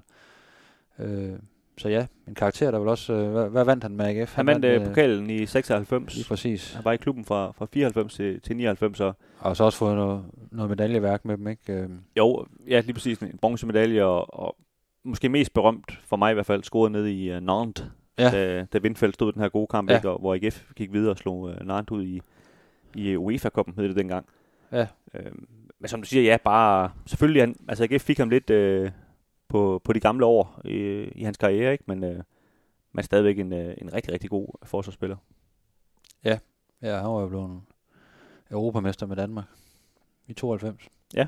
Hvor han jo startede. Der har jeg også sagt det engang, men, øh, men det, er stadig, det er stadig ikke rigtigt. så jo, altså en, øh, en dygtig forsvarsspiller, ja, som, øh, som selvfølgelig skal, skal med på, på top 50, fordi han var også en karakter. Øh, Københavner. Men øh, de ja. kan også godt klare sig i På trods af det, ja. ja. 39. Der har jeg Frank Olsen. Frank Olsen. Som jo i, i min verden øh, var en kæmpe held. Da jeg startede med at gå på stadion som 5-6 år gammel sammen med min far, der var Frank Olsen en, øh, en dejlig kompromilløs bak på, på, på AGF's hold der i... Øh, jeg tror egentlig, at det er fra slut 70'erne, så jeg begyndte at komme på stadion der i start 80'erne. Han spillede i fra 77 til 84. Ja, så det passer jo godt. Der er sådan 80 81 har, har jeg nok haft min debut på stadion sammen med, med min far. Og øh, jeg kan bare huske øh, Frank Olsen. Øh, også fordi han var den første AGF-spiller, jeg fik sådan et autografkort med. Og det hang hjemme på mit, øh, mit værelse, og jeg, jeg kiggede på Frank Olsen hver dag. Så ja. han, han fylder nok ret meget. Øh. Og det er jo der, hvor, hvor jeg måske har Søren Andersen sådan lidt, øh, lidt farvet, ja. og, og der har du Frank Olsen måske lidt højt. Øh, Ja. Altså, nu, vi har jo diskuteret det her før, og du havde mig på et tidspunkt som nummer tre, og det, der fik jeg så talt dig lidt ned. lidt af røven, altså. Ej, det har, det har jeg dog ikke haft, men, øh, men en, en, en solid spiller, der, der var med, øh, igen det her med, var med til at bygge det op, og, og, øh, og var en vigtig spiller her, i, især i start 80'erne. Ikke? Ja, og, øh, og, og var bundsolid, spillede hver gang fra start. Og, og spillede altså også ni landskampe trods alt, ja. øh, så, så det, det var ikke kun øh, rå muskler, altså der var også noget, noget ja. fodbold bag. Ikke? Øh, og også en, når man spørger for sig, altså folk, øh, når jeg er Frank Olsen, så, så der er ikke nogen, der sådan rynker på næsen over, at øh, øh, hvor, hvor er han på jeres top 50 eller noget, eller hvor skal han være det. Øh, det har jeg i hvert fald ikke oplevet, dem jeg har snakket med. Øh, han var, han, han var respekteret. Øh, ja, det er mest mig, der gør det, hver gang du nævner ham. Jamen, du, det er fordi, du ikke aner, hvem han er. Det er det. Men det er vi så en del andre, der gør. Jamen, altså, han stoppede med at spille i 84, så det er da jeg blev født, så... Ja, du forklarer jo alt, jo. Præcis. Nå. Næste. Jeg glemte, at vi kom til 40, 39, 38. Der har jeg en øh, Henning Bjergård. Angriber. Center forward, kan man vel kalde ham. Øhm, han kunne også lave mål. Og øh, var faktisk, altså var for Aarhus, øh, øh, som jeg husker det, var han også sådan i... Så du husker det? Han er, han er født i 1927. Ja, men jeg har researchet for helvede, for, for lort det, ikke? øhm, kom han også op i, igennem øh, rækkerne i, i AGF. Og, ja, men han... og havde nogle år øh, efter krigen, hvor han, så ikke, hvor han så primært spillede på anholdet. Og derfor er han ikke registreret for så mange kampe, selvom han var der i 4-5 sæsoner. Inden han så røg til B93, blev topscorer i den bedste danske række, øh, nærmest det første år, han var i B93. Og kom så tilbage til AGF efter nogle år, og øh, blev også topscorer her i AGF. Spillede et par år... Øh, og var det, altså han er kun registreret for, for 32 kampe, men 27 mål, det er altså et målsnit, der, der selv vipper øh, Patrick Mortensen og, og Peter Gavlund og andre af pinden. Ja, det må man sige, og to mesterskaber og en, og en pokaltitel i, i de to år, hvor han, hvor ja. han var tilbage i GF. Ikke? Så. Og han, han spillede fast som, øh, som center forward, sådan, øh, når han i hvert fald var, var klar til kamp. Altså, der, der var ret mange angriber i den trup, der, der godt kunne lave mål. En Gunnar Kjellberg, som vi også snakket om, og, og Brødren Jensen, som vi vender tilbage til. Men øh, han kunne i hvert fald også lave mål. Øh, Henning Bjergård. Det må man give ham. Så ja, så han er en af dem, der, der ryger ind her. Nummer 37. Så har vi en øh, Kasper Højer. Øh, Endnu en vensterbak. Ja, de kan noget, de vensterbaks der, men øh, i nyere tid, i min bog, øh, den med afstand bedste AGF'er. Altså, øh, og den, der har gjort sådan, hvis vi snakker betydning og sådan noget, øh, på uden for banen, øh, har haft en kæmpe betydning for det ryg, AGF ligesom lavede under David Nielsen.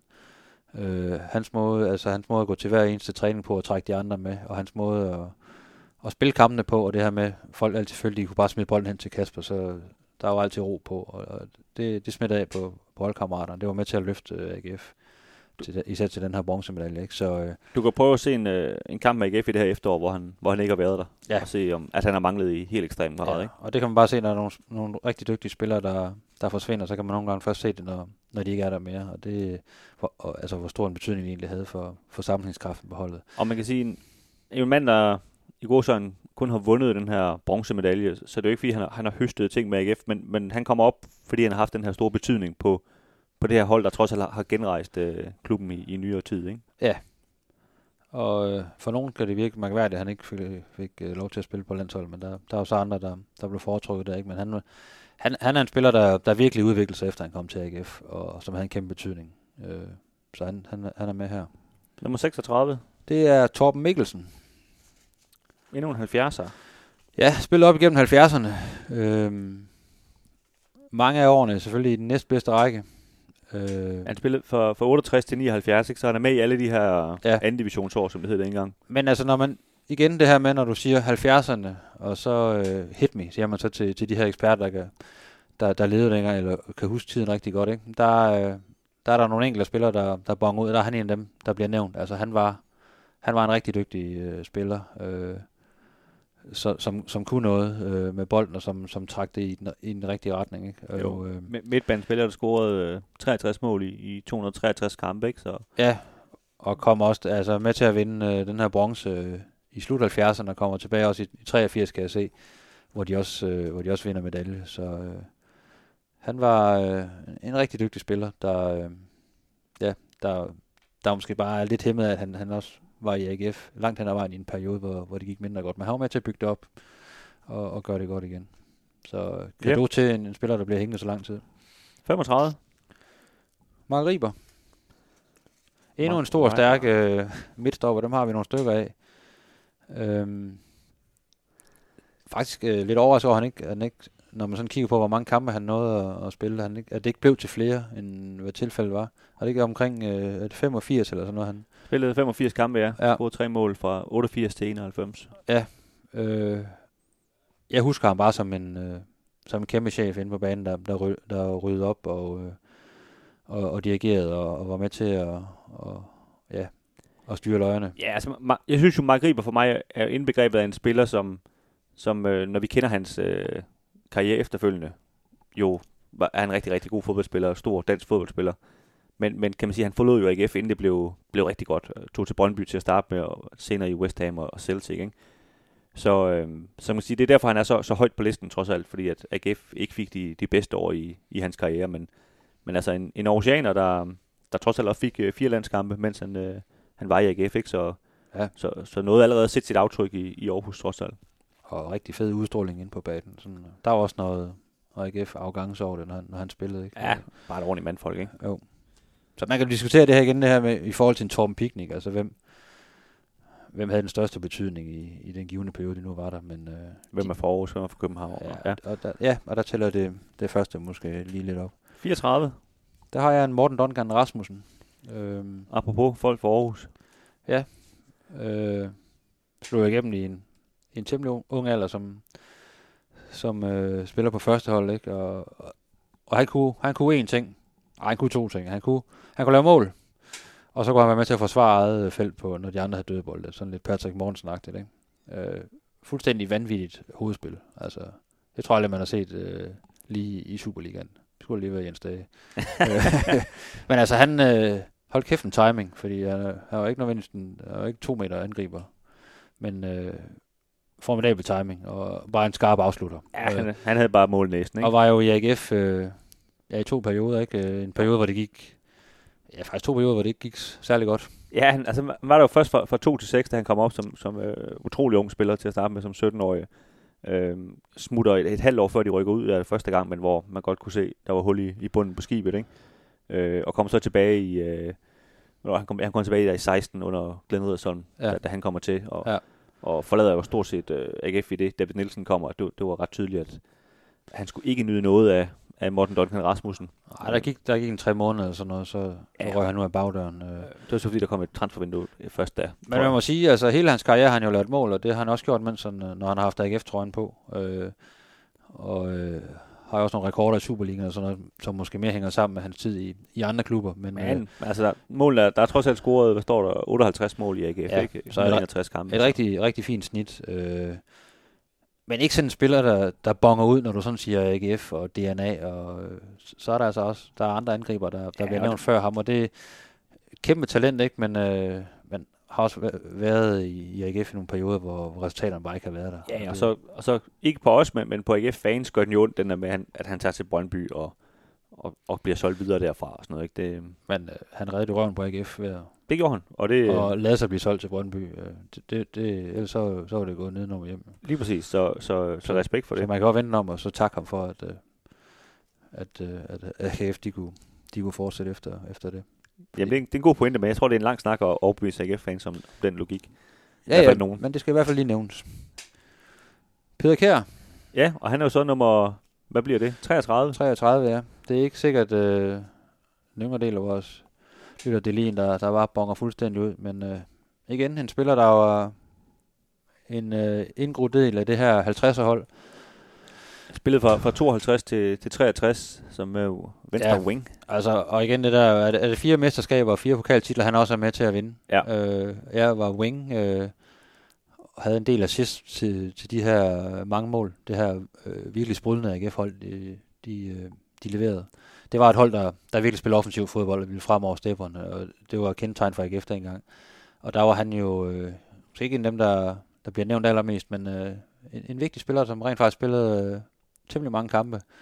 Og øh, Trods, alt- trods alt tre, tre landskampe også, ikke? Så, Ja, og alligevel også, skal altså 40 mål, øh, trods alt også, ikke? Så det, det, det var nogle målfarlige her, de havde rendt rundt dengang. Så, så han, øh, når man så spørger for sig igen, så, så er han en, der, der bliver nævnt ligesom i, i anden række af de her. Han, han skal i hvert fald med, fordi han, øh, han, han spillede trods alt en, en, øh, en vigtig rolle. Lige præcis, ikke? Men, men der kommer en, en håndfuld foran ham, som, øh, som vi, og især dem, vi har spurgt, øh, vurderer, ha- havde en større betydning for de her Ja. 50'er Ja. hold, ikke? Øhm, men To. nummer 32, ja. Carsten Christensen fra, øh, fra 80'er-holdet. Øh, en fast bestanddel af, af startopstillingen op igennem 80'erne. Øh, Pokalfighter i, i slutningen af 80'erne. Ja, og med til at vinde mesterskabet i, i, i 86, og også med på hele rejsen her fra start 80'erne, og, og spillede et hav af kampe i AGF-trøjen. Øh. Og det er sådan lidt, der kan man jo lidt sammenligne det her øh, 50'er hold med, med det her 80'er hold, at der, der er mange øh, spillere, der, der er sådan en gennemgående figur, altså, som bare spiller mange kampe, og er, er, de, er de skadesfri, så spiller de. Og, og øh, så kan man så sige, at det er to hold, der spiller på, på vidt forskellige måder. Øh, så umiddelbart i hvert fald, men... Øh, men han, han, øh, ham, ham husker jeg også fra, da jeg kom på stadion, som en, han var der hver gang, og han, øh, han leverede altid øh, 100% begge veje. Øh, der var noget fart, når han, når han fik bolden, og øh, fremad, og, og han, han knoklede også for sagen den anden vej. Så en rigtig vigtig spiller på, øh, på det her AGF-hold op igennem 80'erne. Så derfor er han øh, selvfølgelig med på listen. 31. Jamen, der har vi øh, Erik Slagter Jensen. Den det er jo et forrygende øgenavn, for der det er en af første. de to øh, Jensen-brødre, der, der også var en, en vigtig del af det her 50'er-hold. Øh, og de har jo et fuldstændig vanvittigt målsnit, de her to brødre, så man kan simpelthen ikke se, se bort fra dem. Øh, Erik Slagter er, han er storebror. Ja, han øh, spillede fra, fra 50 til 60, øh, Ja, scorede øh, 94 mål i, i 201 kamp. og øh, ja, igen det der fire mesterskaber og fire pokaltitler. Det, det taler for sig selv, ikke? Altså, de det må var, man sige. de var alt dominerende dengang af AGF, og han, Han- øh, At jeg skal lige sige, Slagter, han, øh, han stoppede godt nok før den sidste pokaltitel, så, så det var Okay. kun syv samlede titler, Okay, han vandt. ja. Men øh, han var med på den der rejse, og, øh, og ligesom, ja, som sin bror, som vi, vi også kommer til at nævne lige om lidt, kan jeg godt afsløre en, øh, en spiller med, der, der bare lavede mål. Det gjorde han. Og, og det gjorde det hold der. Så det er næsten, nogle gange har man lidt øh, fornemmelsen af, at det var næsten ligegyldigt, hvem de stiller med, så, så skulle der nok blive lavet mål, ikke? For der var nogen, der, der, øh, der bare satte dem op, men øh, sådan en rigtig klassisk, øh, klassisk angriber, ikke? Der, der havde et godt spark. Nå Kim, vi, øh, vi skal have rykket lidt rundt på dem her, måske. Ja. Det kommer an på, om jeg er uenig i noget. Ja. Øhm, altså, jeg, jeg, jeg er jo lidt ked af, af Duncans placering her. Altså, jeg, jeg kunne godt tænke mig, at han kom lidt op. Øhm, Vi har ham som nummer 34. Ja.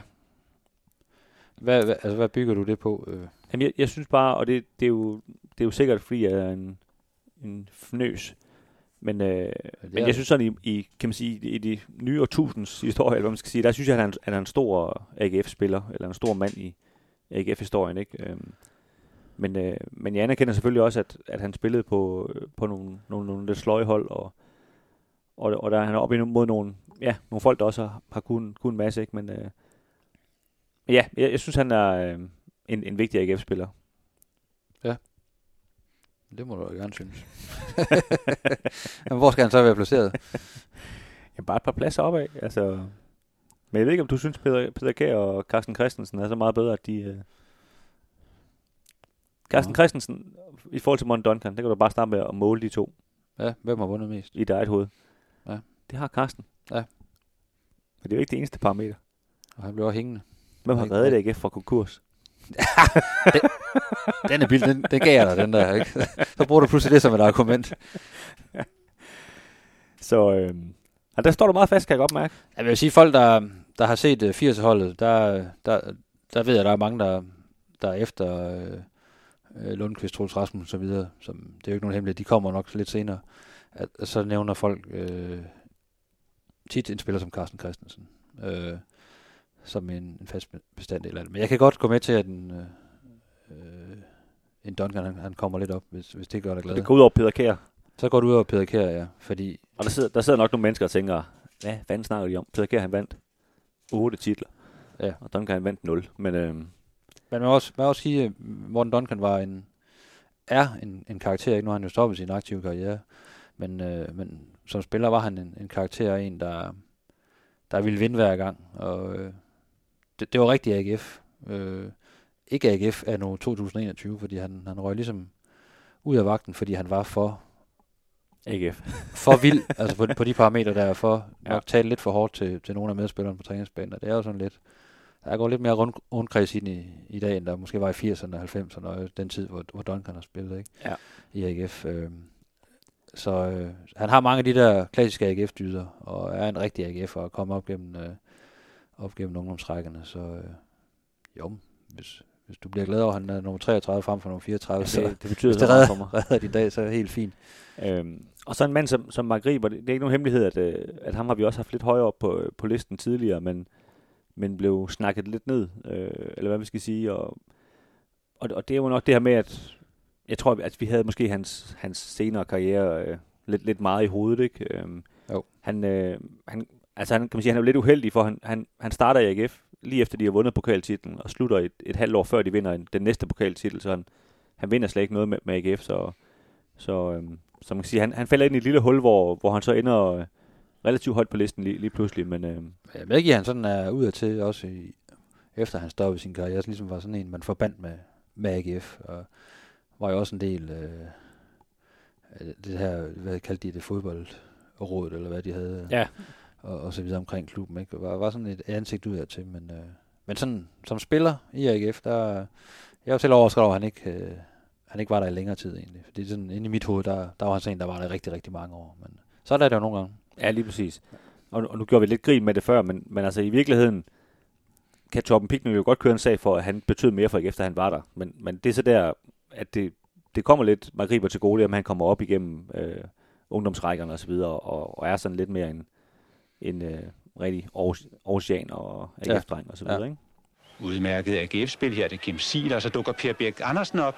Udmærket gennembrud, se hvordan han finder en ny position, Per Bæk. Bolden ud i højre side til Tommy Christensen. Ganske optimistisk Tommy Christensen, og Per Bæk Andersen er med og gør det til 2-0. Udmærket Per Bæk Andersen. Mål og fint samarbejde var det mellem Tommy Christensen og Per Bæk Andersen. Godt, Kim. Nu øh, er vi ved at nærme os noget, Ja, Der er en en- toppe. en- 21 til 30. og øh, nummer 30 skal jeg have dig til at sige højt. Jeg har skrevet øh, John Jensen. John Jensen. Øh, Han er bror til Erik Slagte Ja. Jensen, før Ja. omtalte. og der, der kom selvfølgelig lidt ind på... Øh, John Jensen var, var lillebroren. Jeg tror, det, var- historien går på, at øh, AGF... Han var så stort til den, at AGF gerne ville have ham til at debutere allerede, da han var 16 år. Men der var nogle regler dengang, så, så det blev stoppet af, af fodboldforbundet. Ikke? Men øh, kæmpe, kæmpe angrebstalent. Der også har et fuldstændig vanvittigt målsnit, er det ikke rigtigt? Jo, han har scoret 100 mål i 167 kampe. Ja. Og Spiller var, fra 55 til 63, så han har, så modsat sin bror den, den sidste pokaltitel. Øh, ja, med så, os. Så, så fire, fire DM-titler og fire pokaltitler og et vildt målsnit, og også nogle, ligesom hans bror, også en, en lille håndfuld landskampe, ikke? Så øh, de, er- de er svære at komme udenom på den her liste, øh, selvom der var nogen på det her 50 hold, der, der rent faktisk øh, var endnu større stjerner, end de var. ja, det bliver ved med at sige, men de kommer på et tidspunkt på det er listen. sådan små teaser, jeg hele tiden lige lægger ud. Nå, Kim, nummer, hvad bliver det? 29? jeg har Peter Gravlund, Peter Gravlund. og der er nok mange derude, der får et øh, kæmpe hustanfald, fordi de, de har tænkt, at Peter Gravlund, det er, det er top 5, ikke? Men man fornemmer ligesom, at hos de yngre generationer, der er Peter Gravlund, han er jo et kæmpe navn. Øh, øh, og det var han da også. Men han, han var der også i en tid, hvor, hvor det godt nok var svært at, øh, at levere noget som AGF'er. Men det, det gjorde han trods alt. Han lavede, øh, han lavede de mål, han skulle. Øh, Han, han lavede 53 mål i 147 kampe. Ja. Øh, var i VGF fra, primært fra, fra 2006 til 12, og så var der også lige lånt ud til dem i, i 2003, ikke? Og ja, en, en, øh, en spiller, der jo øh, kom, kom, øh, kommet oprindeligt fra, fra Vejle, ikke? men øh, ufattelig agerig angriber, der, der godt vidste, hvor målet det stod, ikke? og var også en, der, der var en leder inde på banen og, og udenfor. Øh, vildt temperament, men øh, hold kæft et drive og, og en vilje til, at- til at vinde. Og det øh, havde jeg ikke haft ham i de år, der, så ved jeg ikke, hvordan det, det var gået, men øh, det var også nogle svære år. Altså, ja, lige præcis. Og derfor så, øh, ja, fin målsnit, men, øh, men ja, han, øh, han, er, han er en kæmpe karakter, og en, der ligesom også var, var ansigtet ud til i, i mange år i AGF, men, øh, men ikke sådan helt op på, på legendestatus, det synes jeg ikke. 28. Der har jeg øh, Leon Andreasen. Leon. Den kommer vi til at diskutere, kan jeg Ja, godt og det, jeg ved også godt, at det, det, det er der også mange derude, der sikkert vil sige, at han, han skal fandme længere op. Ikke? Øh, men øh, igen, altså komme ind på holdet i, i en ung alder på et ikke særlig godt AGF-hold.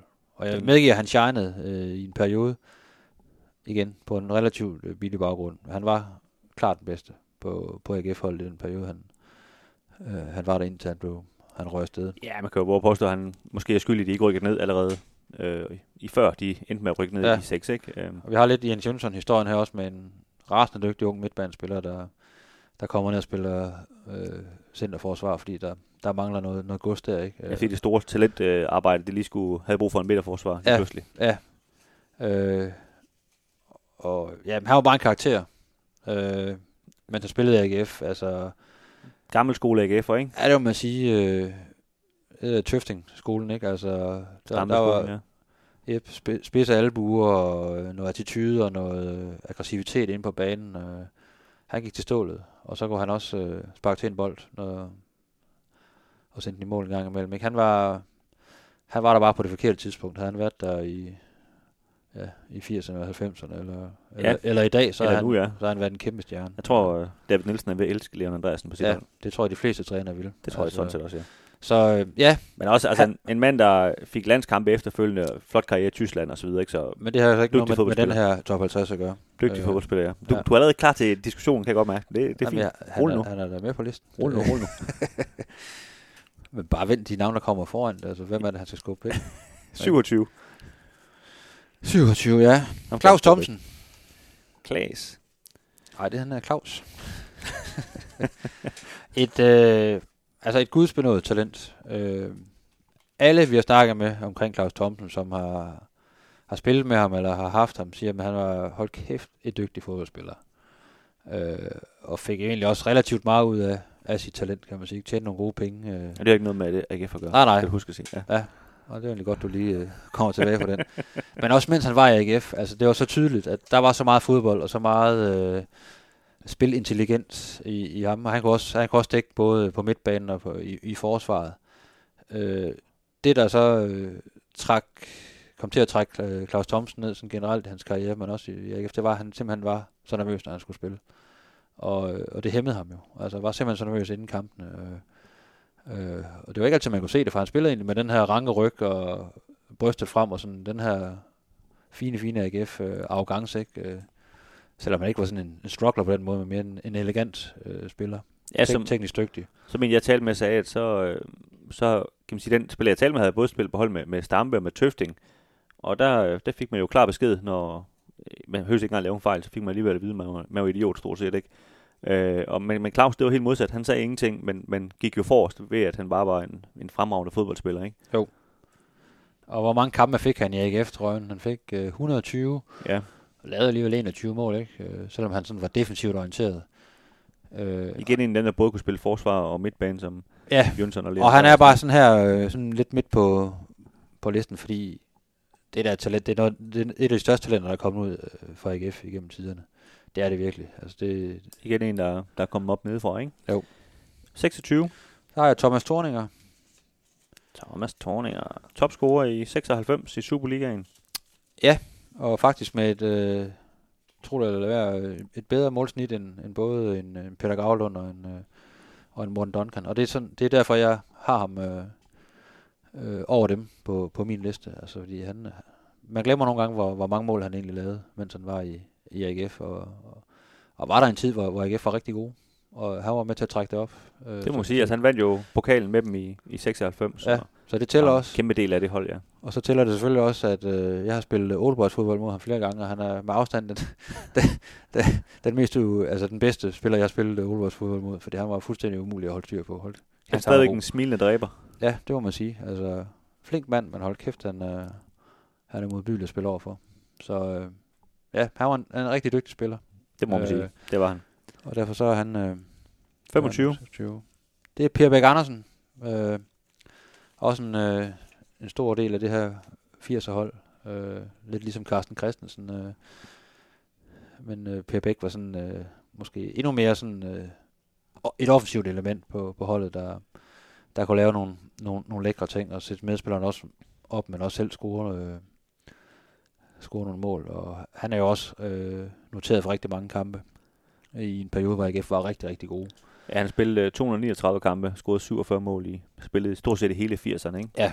Hvor, Øh. øh. hvor, de jo, hvor, hvor AGF var, var, en, var en fast del af, af toppen i, øh, i den bedste række. Altså min, min yndlingsanekdote med, med Per Per Bæk Andersen, det var faktisk dengang han var, var stoppet med at, at spille.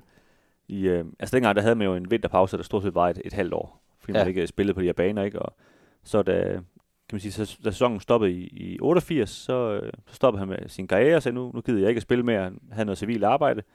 Og så skulle de så, AGF skulle møde Barcelona i øh, foråret 89, øh, fordi de var kvalificeret til, i Europakoppen, og så, øh, så kommer Johan Cruyff, selveste Johan Cruyff, til, øh, til Aarhus, og han var ved at skabe det her Dream Team, øh, som senere jo vandt så mange ting med Barcelona, og han siger så på pressemødet og spørger, han har kigget lidt på AGF's hold, og han kan ikke forstå, øh, hvor er Per Bæk Andersen. Per Bæk Andersen.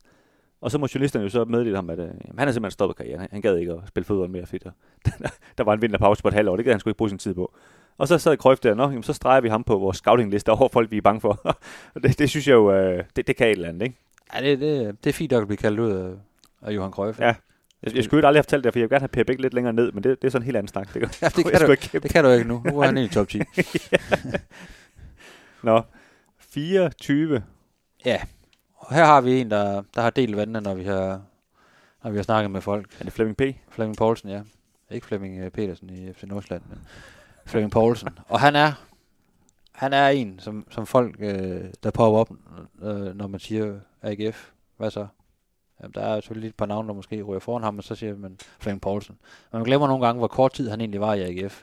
Fordi han røg jo til, afsted til, ja, officielt til, til Real Madrid, altså uden at spille særlig meget i, i AGF-trøjen. Hvad, var det, det blev til at kampe for ham? 39 kampe, 17 mål. Ja. Øhm, selvfølgelig et godt snit jo, men, ja. Men fra 84 til 86 øh, spillede han der i, i, som senior, ikke? Han, han har jo også været ungdomsspiller i AGF, ikke? Men, men man kan sige, blev jo solgt som øh, ja, nærmest 19-årig faktisk, tror jeg, Ja. han, har fødselsdag øh, 3. december. Og han er sådan en, han har været i AGF, og den karriere, han, han, han skabte sig efterfølgende, øh, er jo, det er jo dybt imponerende, de ting, han, han opnåede, og de klubber, han, han, han var i. Øh, men man glemmer nogle gange, hvor kort tid han egentlig var i AGF. Og derfor er det også, han er en spiller, vi har diskuteret, fordi hvor højt kan man komme op på listen, når man, når man har, har har haft så få kampe, egentlig førsteholdskampe. Og Ja. en del af historien om Flemming Poulsen er jo også, at en del af de første kampe, han, han spiller for AGF, der er han faktisk ret udskilt blandt fans og i, i pressen, fordi øh, han ikke rigtig leverede varen. Og Han er jo en meget, meget ung mand jo. Ja, og det skal man også have respekt for. Ikke? Han skulle lige øh, lære gamen, ikke? men øh, han, øh, han ramte noget sådan øh, til sidst i, i hans korte tid i AGF, og det, det gjorde så, at han røg afsted, fordi man kan godt se, at potentialet var jo kæmpe stort. Det kunne alle se. Ja.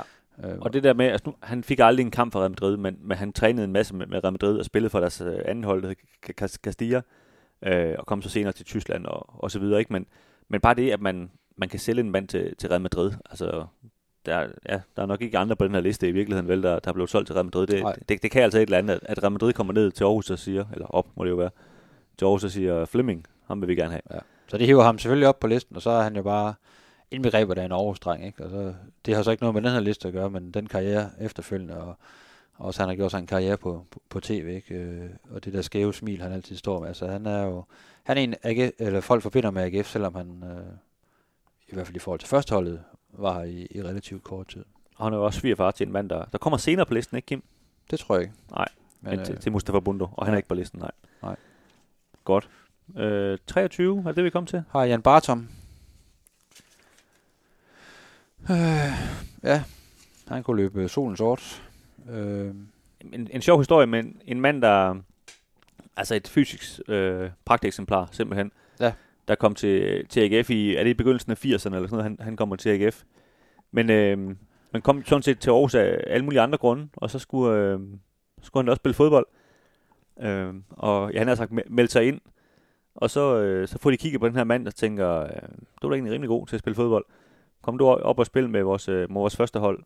Øh, og med tiden, øh, ja, fik, blev selvfølgelig en, en profil. Øh, fik også landskampe og, og fik også en, en flot karriere efterfølgende. Kom så tilbage til, til AGF øh, senere. han Men- var i AGF af tre omgange, ikke? Var tre omgange, ikke? Ja. Øhm, så, så man kan sige, en, altså, bare en, en, altså en rigtig, rigtig dygtig øh, atlet, eller hvad man skal sige. Ja. Virkelig øh, en mand, der kunne løbe solen sort og brølstærk. Men for hvem fodbold langt fra var det vigtigste i, i, Nej, nej, i livet. Han havde sådan ret tilbagelænet øh, tilgang til det, og, og også på et tidspunkt, hvor han tog på en jordomrejse, skal jeg huske, ikke? Og, og lige skulle finde sig selv og sådan, altså. Men øh, han var, han var en, øh, en kæmpe spiller for, for AGF. Øh, en vigtig spiller også øh, i de perioder, hvor han kom tilbage. Øh, Ja, jeg tror trods alt øh, 176 kampe, ikke? Vundet mesterskab, to pokaltitler, så, Ja. så, så der er trods alt noget at, at tage med på, øh, på CV'et også, ikke? Så ja, god spiller. ja, det må man sige. Fik også syv landskampe som AGF'er. Ja. Nå, nummer 22, Kim. Er vi nået så langt? Ja. Så har vi øh, Kent Nielsen Kent Nielsen. i dag, Silkeborg-træner. Ja, Øh. han var jo i Aarhus så sent som i fredags. Og, øh, Og vi havde en praktikant med derude. Ja. 14-årig Valdemar, som øh, da han fik at vide, at ham der han havde vundet øh, EM og havde øh, togen øh, helt op under overlæggeren, så troede tro- han ikke lige på det. Det tror jeg ikke på. Nej, det, det gjorde han altså ikke. Men, øh, men han har rent faktisk skulle løfte sine øh, ben så højt en gang, Ken Ja. ja. Nielsen. Dygtig Og, øh, forsvarsspiller. Ja, endnu en af de her øh, mange dygtige midtstopper, der har været i AGF. Øh, en, ja, han var også en chef inde på banen, ikke? Øh, virkelig stærk, øh, især i hovedspillet, ikke? Og derfor kunne han også begå sig over i, i, Premier League, for eksempel. Øh, Men altså en, en mand, der så trods alt kun spillede 62 kampe, Ja. scorede så jo et syv mål. Øh, fornemt, ja. må man sige, af en, øh, en forsvarsspiller. men der er så noget, der trækker rigtig meget op i Ken Nielsen, er, at han, han bliver europamester som AGF'er. Han, han vinder pokalen med AGF, løfter pokalen. Ja. Øh, og nogle få måneder efter er han så godt nok ikke lige anfører på, på landsholdet, men løfter også pokalen. Ja. Som øh, europamester spiller finalen. Ja. Det kan et eller andet. Det, det må man sige, ikke? Jo, det kan det. Altså, han var, han var simpelthen så god, at... Øh, Altså, vi, vi gentager bare lige. Prøv at kigge på AGF's nuværende hold, og forestil dig, at en af dem starter ind i en EM-finale. Og det synes jeg bare, øh, ja, det, det taler for sig selv. Øh, og han braserede også den, den relativt korte tid, han var i AGF. Øh, Ja, det er, jo, det er jo til sidst i hans karriere, han, øh, Ja. han kom til AGF, ikke? Ja. Så så ja, han er, han er ja, forholdsvis højt på, på listen, men øh, den der EM-finale, det, som, som AGF, det, det synes jeg, lige- det, det kan sgu noget. Og det, det er noget, sige. folk husker. nummer 21. Jamen, der har øh, endnu en stopper. Hvad fanden foregår der altså? Bjørn Christensen. øh, og 80'er mand. Ja, øh, også, altså virkelig, virkelig stærk øh, stopper. Øh, der også godt kunne, kunne lave et mål en gang imellem, men, men først og fremmest var, var rigtig god til at forsvare øh, eget territorium. Ikke? Øh, og- det var også øh, langs jorden. Han var ikke bare en, der kunne hætte væk, men også var også øh, relativt øh, hurtigt på fødderne. Øh, og fik så også en fin øh, udlandskarriere. Øh, han var også øh, en rigtig, rigtig vigtig del af det her 80'er-hold, og, og øh, spillede mange kampe og spillede stort set hver gang, ikke, da han først var kommet i spillede København. 165 kampe Ja. og spillede stort set øh, hele 80'erne. Ja. Så blev, blev solgt til Newcastle. Og det, der, der, der bonger han ud på flere parametre, der ikke var med til at vinde mesterskab, og, og, og til og med også blive, blive solgt, øh, ryger sted til, til, til en stærk øh, klub i udlandet. Så Ja. øh, han er, Eller i hvert fald Newcastle, ja. ja, stærk klub, det er jo lige, men øh, i hvert fald, var bedre end hvis han var røget til Køge eller sådan noget. Ikke? ja. Det er i hvert fald heller ikke i udlandet. Nej. Nå, Kim, der er nogle ting her, som jeg for alvor er uenig i. Øhm, Leon Andreasen, han vil jo faktisk gerne have, have helt op på 21'eren. Ja. Og du har ham jo på, hvad har du ham på? 27? Ja. Det er jo helt væk. Nej, han er på 28, tror jeg faktisk. Øh, nå, Jeg kan jo ikke se, han er, jeg kan jo ikke se, han er en, en, en større øh, AGF'er end, end Bjørn Christensen, eller Ken Nielsen, eller Jan Bartom, eller om jeg synes... Øh, altså, det, det synes, altså, måske ikke en Bjørn Christensen. Øh, og dermed skal jeg så ikke snakke ham op på 21'eren i så fald. Men, men, men jeg synes i hvert fald i forhold, forhold til Kent Nielsen, øh, jeg er helt med på det her EM-argument, men, men, øh, men altså, det er jo så også derfor, han er på listen, for han, han er jo, det er jo få kampe, at Kent Nielsen rent faktisk har spillet for AGF. Ikke? Jeg synes, han skal hives lidt ned. Øhm, og jeg, jeg synes, Leon skal frem. Altså, Leon var, var, en, var en voldsom spiller i, i de få år, han så trods alt kun var i AGF. Ikke? Øhm. Ja. Så sidder vi her og kigger på hinanden. Ja. Øhm, og, og så synes jeg også, øh, hvis jeg bare lige skal tage den samtidig, Thomas Thorninger, øh, jeg synes, han er en større AGF'er end, end Per Bæk Andersen. Jeg ved godt, de ikke er helt sammenlignelige, men, men jeg har lidt svært ved, at, at Thomas Thorninger ikke skal være, Det er jo fordi, du, man det er, fordi du er historieløs. Så. altså, ikke skal anses højere end ham. Øhm, ja, jeg ved ikke hvorfor. Det, det, det irriterer mig bare. Jamen, ja, jeg, jeg kan jo bare huske, øh, alle de gange, jeg har været på stadion, ja. og, og Per Bæk, han tuste op og ned af, af, af linjen der, ikke? Det, kan du huske de gange, du var på stadion, hvor Thomas Thorninger han scorede? er, jeg har vel været der et par gange, ja. Ja, det er det. ja. Det er det. Så, ej, men, øh, jeg, jeg, får, jeg får ikke så meget tilbage her, kan jeg godt mærke, men øh, Du får en af dem så. Så må du flytte, så må du flytte læren lidt frem. Jeg synes, Torninger, det, det er en fin placering der, øh, som nummer 26 faktisk. Det, Okay. det, det synes jeg. Øh, så var han heller ikke en vildere fodboldspiller.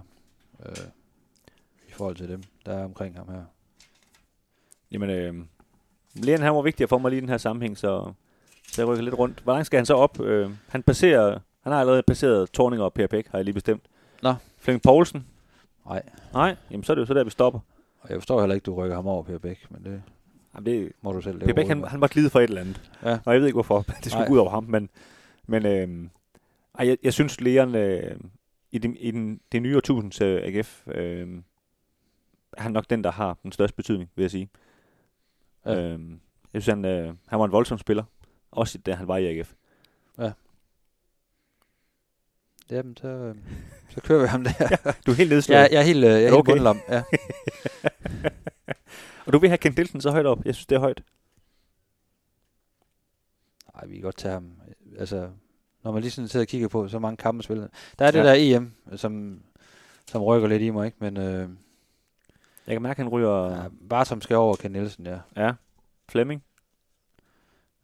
Ja, Ja. Leon. Flemming er sgu en, øh, en karakter. Leon. Så, har vi så Ken Nielsen. Så det vil sige, at vi har øh, John Jensen som nummer... Øh, hvad bliver det her? 30. 30, ja. Gravlov 29, Claus Thomsen 28, Thomas Thorninger 27, Per Bæk 26, Leon 25, det er lige midten. Det er okay. 24 til Ken Nielsen. Han, han, han vinder altså øh, en titel med AGF, han bliver europamester. Hvad har Leon vundet? Vores hjerter. Flemming Poulsen. Øh, 23. Jørgen Bartom 22, Bjørn Christensen 21. Vi nærmer os fire minutters overtid. Og det er min sanden. Tro det eller ej, det er faktisk ufatteligt. AGF'erne får udlignet. Fire minutters overtid. Solen tilbage. over Aarhus. Jamen, det er en klump af alt og alle inde på banen. Howard Flo bliver noteret for målet. Godt, Kim. Nu går vi ind i den afgørende fase, Top 20. har jeg lige besluttet mig for. Det er top 20. Og øh, vi starter med nummer 20. Jeg tænker også, hvor skulle vi ellers gå hen af? Jamen, vi kan godt starte med nummer 17, for at gøre det lidt forvirrende. Jo. Nå. Ja. Det gør vi ikke. Jamen, øh, jeg siger Tom Bunde. En af øh, de allermest markante skikkelser fra øh, op gennem 70'erne. Og et navn, der bliver, bliver nævnt af mange, når man sådan snakker AGF og, øh, og 70'erne. Altså, det var en, det var en spiller, der, der stak ud for mange. Øh, helt sikkert en, en, en dygtig fodboldspiller, men også en spiller, der var i AGF i en periode, hvor man faktisk, øh, han var i klubben jeg tror det var 70 til, øh, til 78, øh, og i alt fem sæsoner i den næstbedste række. Og det trækker jo så lidt ned, kan man sige. Men det er en spiller, som rigtig mange forbinder med AGF, og som rigtig mange af dem, vi har, vi har talt med i, i øh, forbindelse med det her projekt, altså nævner. Øh, ham, skal ham skal I have med, han skal ligge højt, øh, han var fandme en god spiller. Og så kan det godt være, at AGF ikke rigtig vandt noget, mens, mens Tom Bunde var, var en del af, af, af projektet, men øh, det er en, øh, folk øh, har bidt mærke i. Ja, og det, der går jo historie om, at altså, han, han var måske lidt doven, men han kunne med med spark til en fodbold.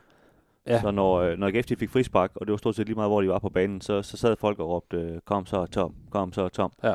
Og så skulle han ellers over og, og låse til den som en anden øh, Ronald Koeman. Han var kendt som den her dogne frisparks øh, konge, eller hvad han nu blev tituleret med. Øh, havde en fantastisk sparketeknik, og det var sådan lidt, når, når han var der, og når han havde lyst, så kunne han, så kunne han sparke bold ind fra, fra alle mulige vinkler. Der, der går også nogle skønne historier omkring noget løbetræning, når jeg skulle, skulle træne op efter, efter en lang vinterpause, at øh, der var nogle medspillere, der, hvor de skulle ud på en, på en længere løbetur, øh, blev overhalet af en, af en bus, hvor, hvor Tom Bunde han sad inde i. Altså, det, var, så det var nok ikke en spiller, der sådan øh, 100% øh, Det, er sådan lidt tog, en, tog, øh, tog hånd om sit, sit talent, men, øh, det lyder som lidt sådan en 70'ernes Kim Aabæk, ikke? Jo. Sådan en, en, men en, øh, en, der nød liv samtidig med, at han var, var god til at spille fodbold. Men altså, han scorede, øh, hvad vi skrevet her, 52 mål i 150 kampe. Nogle af dem var så på, på næste øh, højeste niveau, Ja. ikke?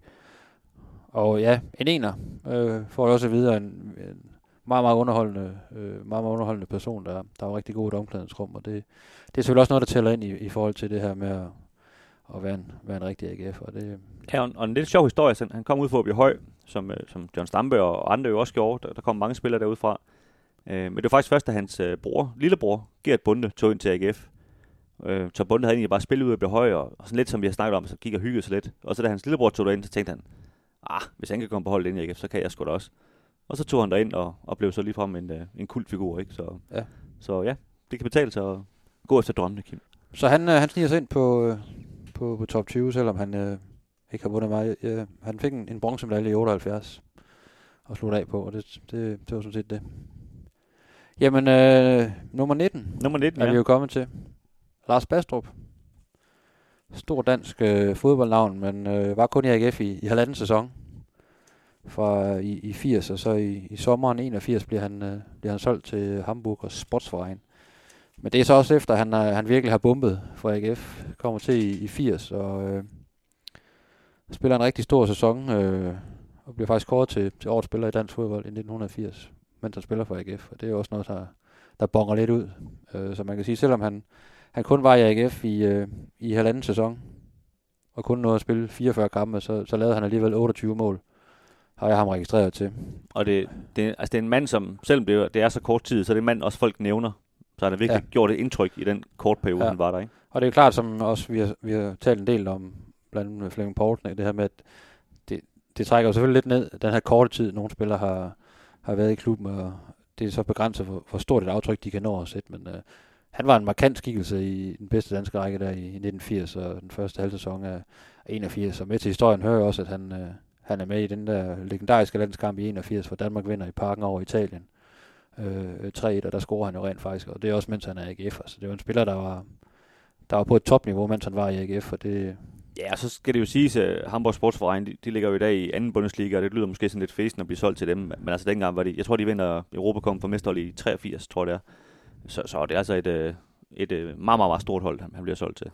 Jeg læste øh, lidt sjovt interview med jeg sad og researchede faktisk lidt på, på Ben Wachmann, netop i forhold til den her top 50. Jeg læste et, øh, et gammelt interview med ham, hvor han blev bedt om at, at fremhæve nogle AGF'er, han har spillet sammen med. Der, der fremhævede han øh, Lars Bastrup øh, som den ene.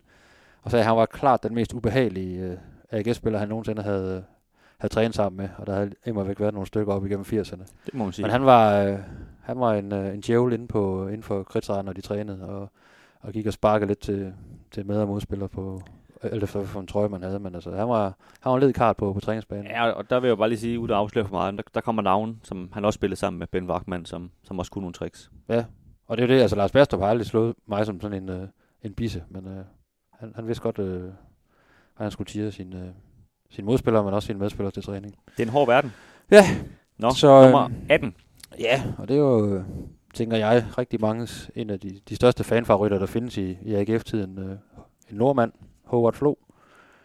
Øh, der er jo heller ikke, øh, der er heller ikke var i AGF så, så frygtelig lang tid. Øh, også en af de her spillere, der, der er jo også ligesom, hvor pilen også peger op af i forhold til, at han, øh, han, han var så god i den tid, han var i AGF. Øh, at han, øh, han rent faktisk blev solgt til en, til en stor udenlandsk klub. Til øh, Werder Bremen, ja. til Werder Bremen, ja.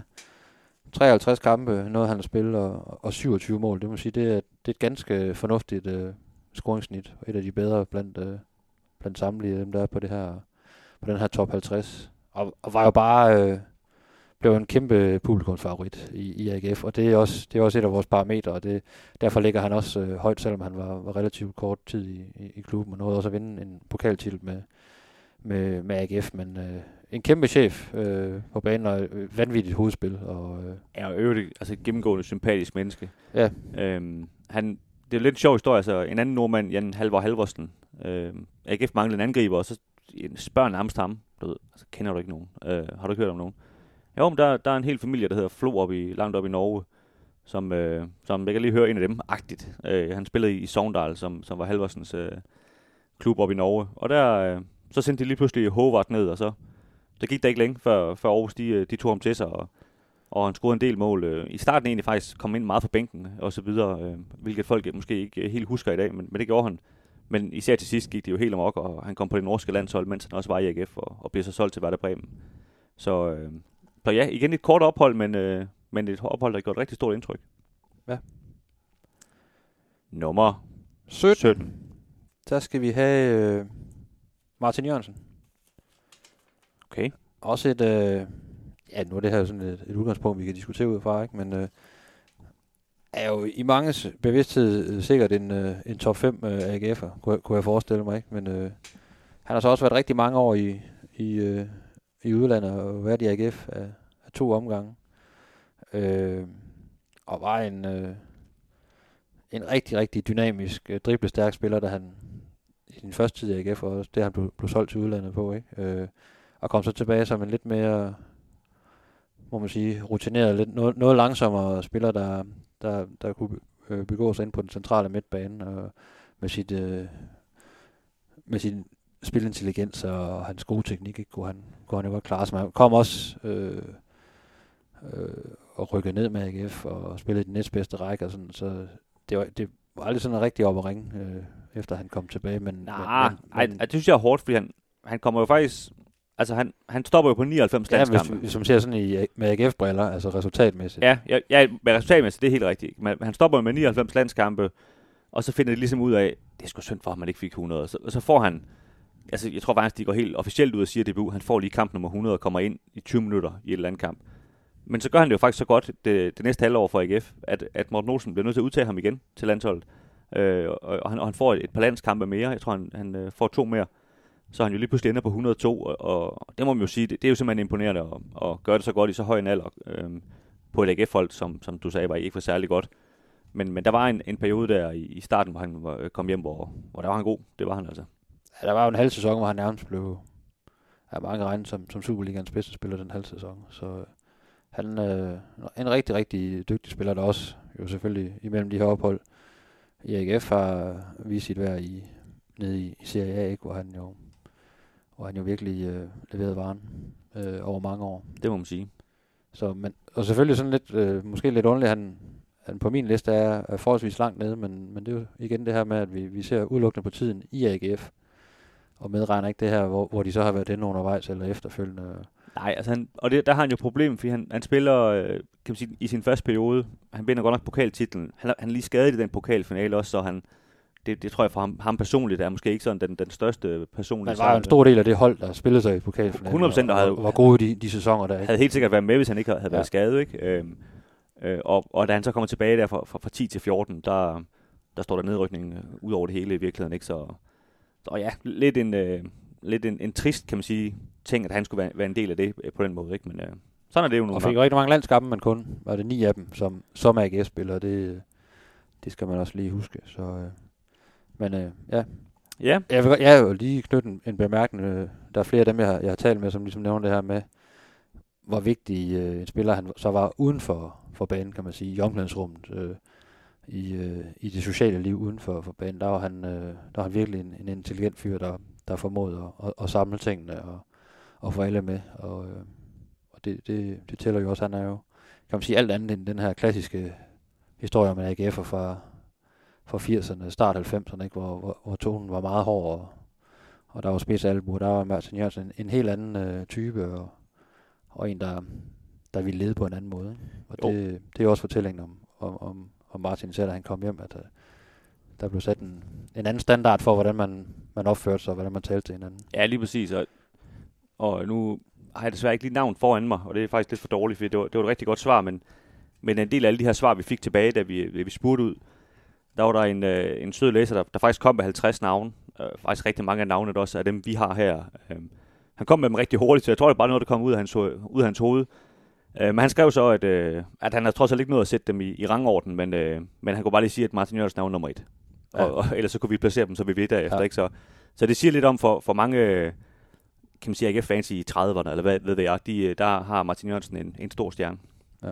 Han har jo også en fan i Japan, kan jeg huske. Det har jeg også. Nu skal vi se, før vi tror på Det det. er en anden podcast. Så har vi Øh, den vil jeg ikke se, den film der. 16. pladsen. Der har jeg Morten Donnerup. Ja, Det er jo en af mine... Øh, og det, det, venner. det er en af mine øh, gamle helte fra da jeg begyndte at komme på stadion og, og alle de her gode år i 80'erne. Og jeg synes, han var, jeg synes bare, han var bomben. Altså, teknisk øh, begavet midtbanespiller. Øh, der, der var sådan lidt frem og tilbage. Øh, kom, var i AGF af, af tre omgange, tror jeg det var.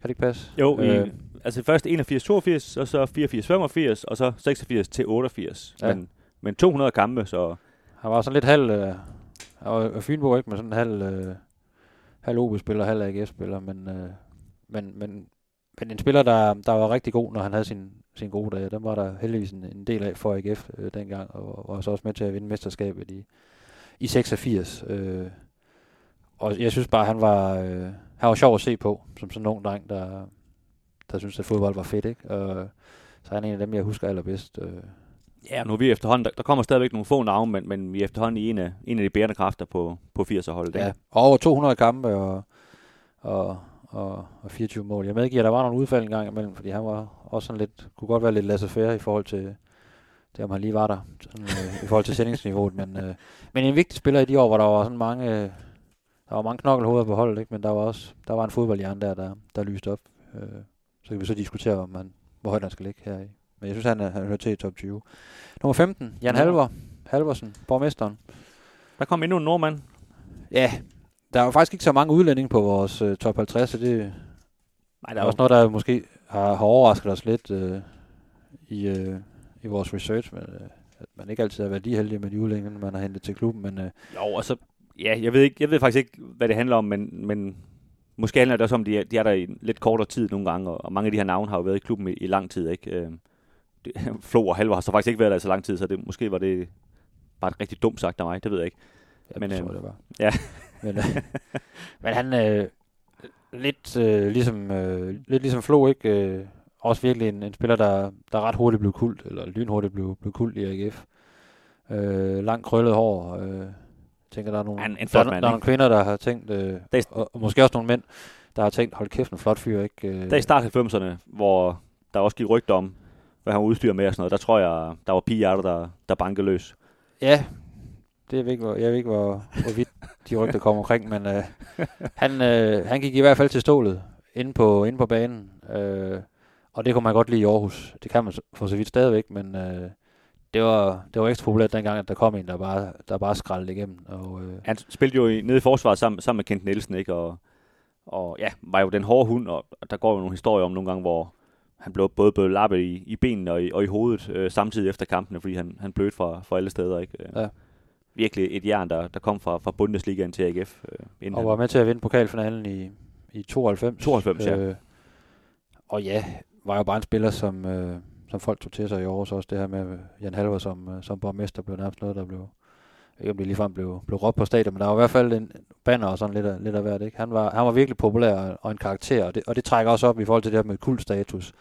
Og en karakter, der kom ind udefra øh, og bare blev, blev AGF'er lynhurtigt. Øh, Ja, og det, og det var også dengang, der var det altså, selvom han, han trods alt kun er nordmand, så var det altså noget nyt, at uh, der var en, en mand fra ulandet. ja, Det var, det var spændende. Uh, og det eksotiske Norge. Der, Ja, ja, præcis, ikke? Og, så, så jeg, jeg tror også, det har noget at gøre med det her med, at de, de blev så populære, ikke? At, øh, at de var altså ikke fra, fra Åby Høj, ligesom alle de andre. Nå, Kim, nummer... Er det 14, vi kommet til? Ja. Der har jeg øh, Henning Jensen. Det er jo en, øh, kan man sige, en, en, en fodboldlegende også på... Måske den bedste fodboldspiller af alle dem her. Ja, det, det vil jeg faktisk... Øh, det vil jeg godt gå med på, at øh, hvis du sådan ser en, en til en, så er det måske den bedste fodboldspiller, der nogensinde har spillet i, i AGF. Øh, kom så til AGF, hvor, hvor man ligesom kan sige, at han var, han var på vej ned i en, af hans karriere, ikke? og, og stoppede jo også øh, karrieren som AGF'er. Øh, og var i AGF et, et, et par sæsoner. Øh, 81 til 83, ja. 81 til 83, ja, og og er med på den her rejse, vi har snakket om flere gange med, med det her 80 hold, der er ved at bygge sig op til, at det, det bliver rigtig stort, ikke? Og AGF er jo faktisk i 1982, det glemmer man nogle gange, fordi man snakker så meget om 86, men i 82 er de jo simpelthen så tæt på at, blive danske mester. Øh, ligger på førstepladsen inden, inden sidste spillerunde, hvor de skal møde B93 på udebane. Og de spiller så 2-2 øh, i B93, og det gør så, at OB de lige sniger sig foran AGF og tager guldet. AGF kunne have, have fået guldet med en sejr. Øh, Det er dumme Richard Møller. Ja, not bastard. Og så, øhm, så bliver det kun til sølv, men, øh, men flotte sølvmedalje, kan man sige, efter, efter hvad- ma- mange år i, op igennem 70'erne. Ikke? Du fandt et skønt citat fra, fra Henning Jensen. Hvad var det, han sagde dengang, de vandt den sølvmedalje der? Jamen, ja, og det er faktisk fra, fra en udgave over Stifttidende dagen efter, ikke? hvor faktisk nærmest ved siden af et billede af en meget, meget nedslået øh, Lars Lundqvist, øh, som, som, øh, jeg tror, der står i billedteksten, at Lars Lundqvist havde meget svært ved at skjule sin skuffelse over, over resultatet mod, mod B93. Og det ligner ham jo ikke, men lige der, der... så er der en artikel lige ved siden af, hvor, hvor journalisten så har snakket med Henning Jensen, der, der ikke virker sådan fu- fuldstændig knust, selvom det også er karrierens sidste kamp, og han, øh, han fortæller så, at han synes, der har været en sæson med mange skægge kampe. og man skal nærmest tro, at man var tilbage i 30'erne, men det, vi snakker 82, ikke? Men han, øh, Ja, der, der kan man jo bare lige klippe til, hvis, hvis uh, AGF nu om dagen havde, øh, havde opnået det samme, og Jakob Nielsen så blev interviewet lige efter, om han vil bare vil lægge vægt på, at der har altså været mange skægge kampe. eller Nikolaj Poulsen, ja, præcis. eller alle mulige andre. Men altså nu, øh, til, til de måske lidt yngre lyttere her, så, så kan jeg jo bare lige læse op, hvor, hvor Henning Jensen han, han har spillet hen. Øhm, altså han har blandt andet spillet for, for Ajax, Borussia Mönchengladbach og en klub, der hedder Real Madrid. Ja. Så, så det taler lidt for sig selv, ikke? Og han, han er indlemmet i DBU's uh, Hall of Fame. et, et kæmpe navn, ikke, da, han, da han kom til AGF. Øh, er der jo så ikke så, så lang tid. Øh, og, men altså, vinder sølv med, med AGF, ikke? Og, øh, og har da også en fin statistik. Jeg tror, det er 53, ja, 53 kampe og, og, og 17 mål, øh, Ja. scorer han øh, i de, de par sæsoner, han er i AGF. Så øh, Ja, han, han er jo ved at være en gammel mand, ikke? Altså hvad er han? 49... Han er jo ja, et par 30 der i, Ja. i perioden i AGF. Ikke? Der går jo også en, en fremragende anekdote om ham, hvor, hvor han, han er kommet tilbage til AGF her, og jeg tror, det, de møder Amager, øh, møder i hvert fald et eller andet lidt perifært hold, og, og han, modstanderen kan også sparke ham hele tiden, og Henning Jensen død, vender sig om, hold nu op. Altså, jeg er simpelthen for gammel til, til det her, kan du ikke bare lade være? Han bliver ved med at gå og sparke ham, og, og så siger han øh, til sidst, øh, Henning Jensen vender sig om, sådan, altså, stop, nu, nu gider jeg ikke mere. Og så ham, øh, den unge fnøs, der han siger, hvem tror du egentlig er? Du er, du skal ikke bestemme, om jeg sparke dig. Og så siger han til ham, øh, du kan bare kigge ned på dine fodboldstøvler. Og så står der jo så Henning Jensen, Ja. øh, fordi han har lavet andet sponsoraftale med, med, en, med en producent der, ikke? Så, så stor var han, at han, øh, de andre spillede i altså hans øh, fodboldstøvler, så det var jo den der klassiske hummelmodel, var det ikke? jo, det var det sikkert ikke. Ja. Altså Michael Jordan, han troede jo, han kom først med den, øh, den øh, dealer der, ikke? Men det gjorde han ikke. Det var Henning Jensen lige lidt før. Så så stor var han. Og man kan sige, øh, ja, uh, on the downfall of, of his karriere. okay. på skoleengelsk. uh, På Tybo, ja. Og, og kun et par sæsoner, det trækker selvfølgelig ned, men, øh, men egentlig øh, ganske, ganske imponerende at slutte af på den måde. Og, selv, og, fordi jeg ikke var så tæt på at vinde mesterskab, men, men får trods alt sølv med, med, med det her hold. Ja, og, og man kan sige igen, en der ikke spillede så lang tid i AGF, så man kan også på en måde sige, ligger han for langt over, men, men, men det er også fordi, at, at folk vi snakker med, de er ligesom sådan, altså han var så stadigvæk god. Han var ja. Stadigvæk fantastisk at se. Altså, det var Henning Jensen. Henning Jensen. Øhm, jeg ved ikke, om det svarer til at... Jeg ved ikke, om det altså, måske Christian Eriksen, hvis han begynder at spille for AGF nu, hvor folk bare sådan sad og tænkte, ej, hvor er han bare meget bedre end de andre, ikke? Altså, det, det, er sådan lidt den måde, folk havde det, da de så så AGF på det tidspunkt, ikke? Jo. Selvom han var gammel. Nej, det er jo ikke gammel, hvis man er i starten af 30'erne. Er det? det? Tror jeg, det var for Henning Jensen. Okay. Nummer 13, øh, Kim Siler. Det kan også være en, øh, en spiller, der, der deler vandet i forhold til, om han ligger for højt, eller, eller hvad han gør. Øh, jeg synes bare, han var en chef øh, øh, på banen. Spillet fra, fra 77 til, eller det fra 78 til, 82, ja. til 82.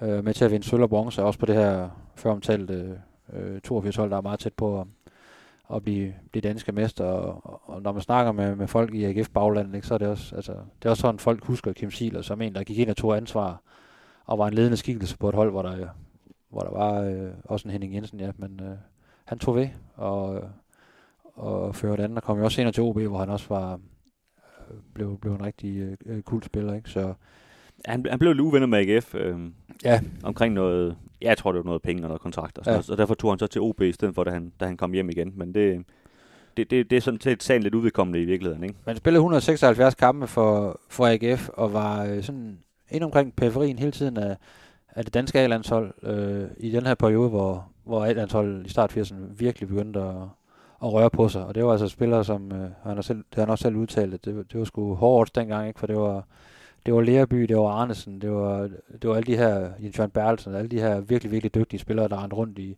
i udlandet, som han, han konkurrerede mod. Øh, Ja, det var begyndelsen af det her Ja. så det dynamithold, ikke? Og jeg tror faktisk også, øh, at han ryger, efter AGF ryger han til, til belgisk fodbold, tror jeg. Netop i bestræbelsen på at, at gøre endnu mere øh, opmærksom på sig selv i forhold til, til landsholdet. Men, men nåede ikke så mange, øh, så frygtelig mange landskampe. Det blev dog til, til nogle, nogle få stykker, men øh, fordi han simpelthen var op mod, mod rigtig, rigtig dygtige spillere. Men det fortæller også noget om Kim Silers kvalitet og hans, øh, hans niveau, at han var, han var altså inde omkring øh, landsholdet i de her år, hvor, hvor de var rigtig, rigtig stærke. Ja, præcis.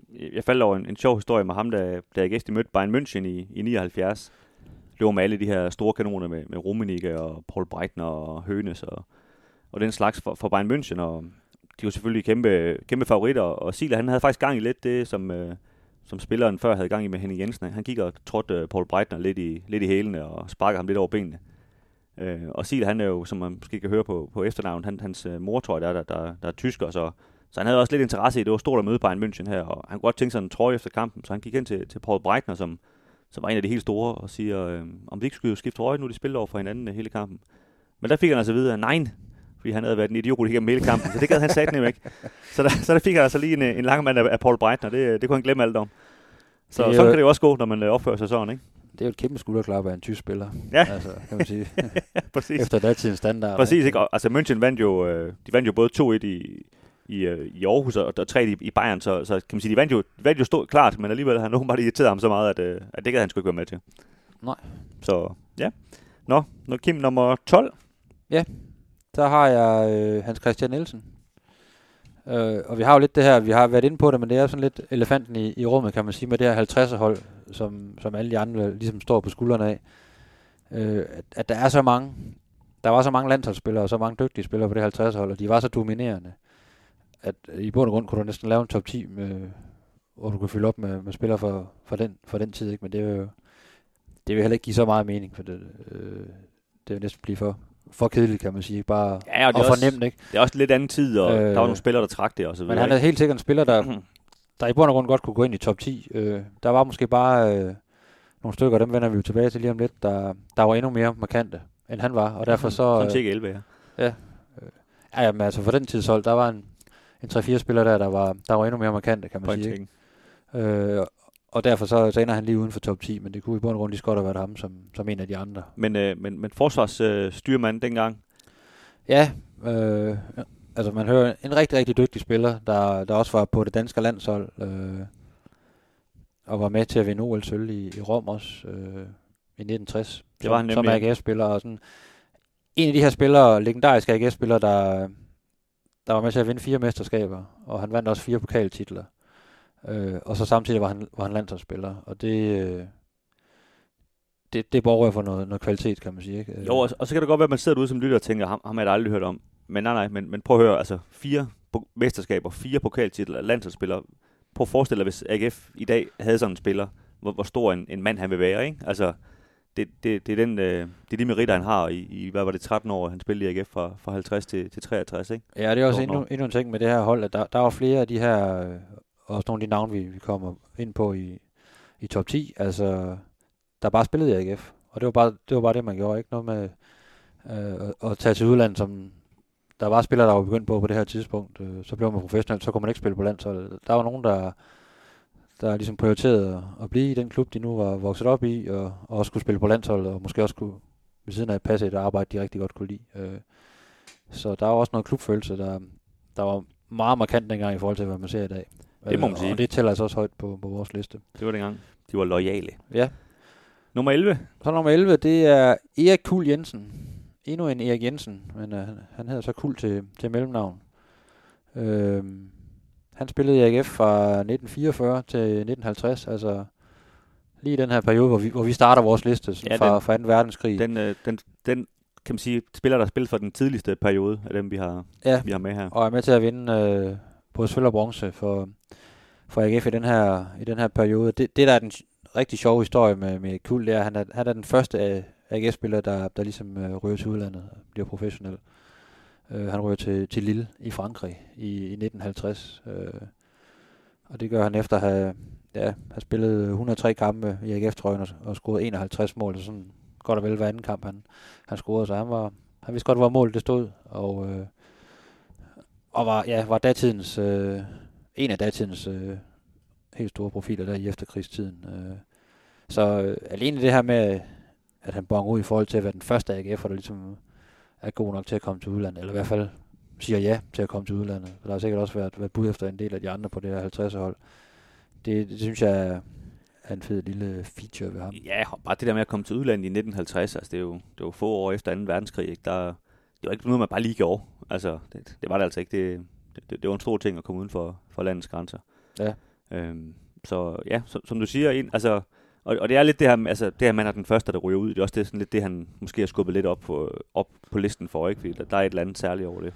Ja, og så er der, og så er der allerede noget i gang der, øh, allerede i de her år, ikke, med, med et AGF-hold. Man ser forstadion til det her rigtig, rigtig stærke hold, der er sådan, ligesom, hvor det kulminerer fra midten af 50'erne. Ikke? Men de vinder trods alt også nogle medaljer her i, i, øh, i, øh, i 45, og jeg tror også det er 49 og 50.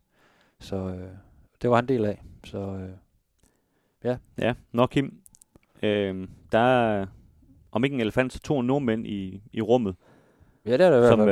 øh, som jeg, jeg synes, det er jo lidt kontroversielt, du har Håvard efter Jan Halver. Ja. Men det er jo måske min, øh, min alder, der, der skinner igennem. Jeg synes, når man bliver kaldt borgmesteren, så, øh, så ryger, ryger man langt op på, på listen. Ja. Jeg Øh. tror, jeg tror, det deler sådan lidt, øh, fordi det, det er to af de største kultpersoner, der har været i AGF. Øh, det, det vil jeg godt medgive. Det er nok øh, begge to inden for top 5, hvis man, hvis man kigger på det parameter. Ikke? Og, øh, og, og Flo var, var en fantastisk angriber, og Jan Halvor var en, var en helt anden spiller, i og med at han var, var forsvarsspiller. Det er sådan lidt, hvad man er til, ikke? og man, man synes, at målscorerne er, er de mest interessante. Sådan er det jo tit, især blandt ungdommen, ikke? og så er, der, så er der andre, der sådan kigger lidt på, hvem er, hvem er det, der har, der har taget knofedt med til, til kampen. Ikke? Men, øh, men vi kan da godt, øh, vi kan da godt mødes lidt på midten, hvis det er. Hvad betyder det? Du sidder nærmest tårnet triller ned i kinderne. Ja, det gør det nemlig. Jeg, jeg ikke. kan slet ikke sige noget. Jeg er grædfærdig over Jamen, det. er der, altså sådan fra 11 til 20, er der, er der noget sådan i, i rangeringen, øh, som du er som du er meget uenig i?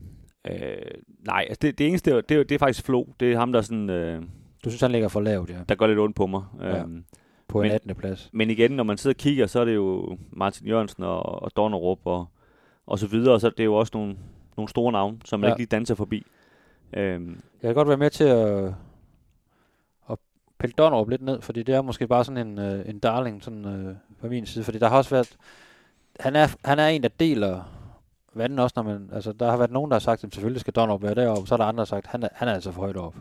Og det er sådan lidt, hvordan man husker ham, ikke? Men han var også sådan en spiller, der var lidt frem og tilbage, og så tror han afsted, så kommer han tilbage igen, ikke? Øh, Så øh, jamen, Martin Jørgensen og, Hubert Fogh, de laver lige en, øh, så overhaling. kommer ned som, som nummer 18, Flo øh, 17, og så Martin Jørgensen øh, 16. Og der synes jeg også, Martin Jørgensen har været svært sådan at, at placere, ikke? Fordi ja, han er en, der rigtig mange forbinder med AGF. Og, og, men øh, han var der også bare... Øh, han- var der ikke så lang tid faktisk. Altså jo, det blev så mange kampe, men man forstår mig ret, der var også nogle, nogle, nogle trælse sæsoner, ikke? især efter han kom tilbage, som, som trækker lidt ned. Men øh, som karakter, som, øh, som ambassadør for, for AGF, der, der fylder han rigtig meget.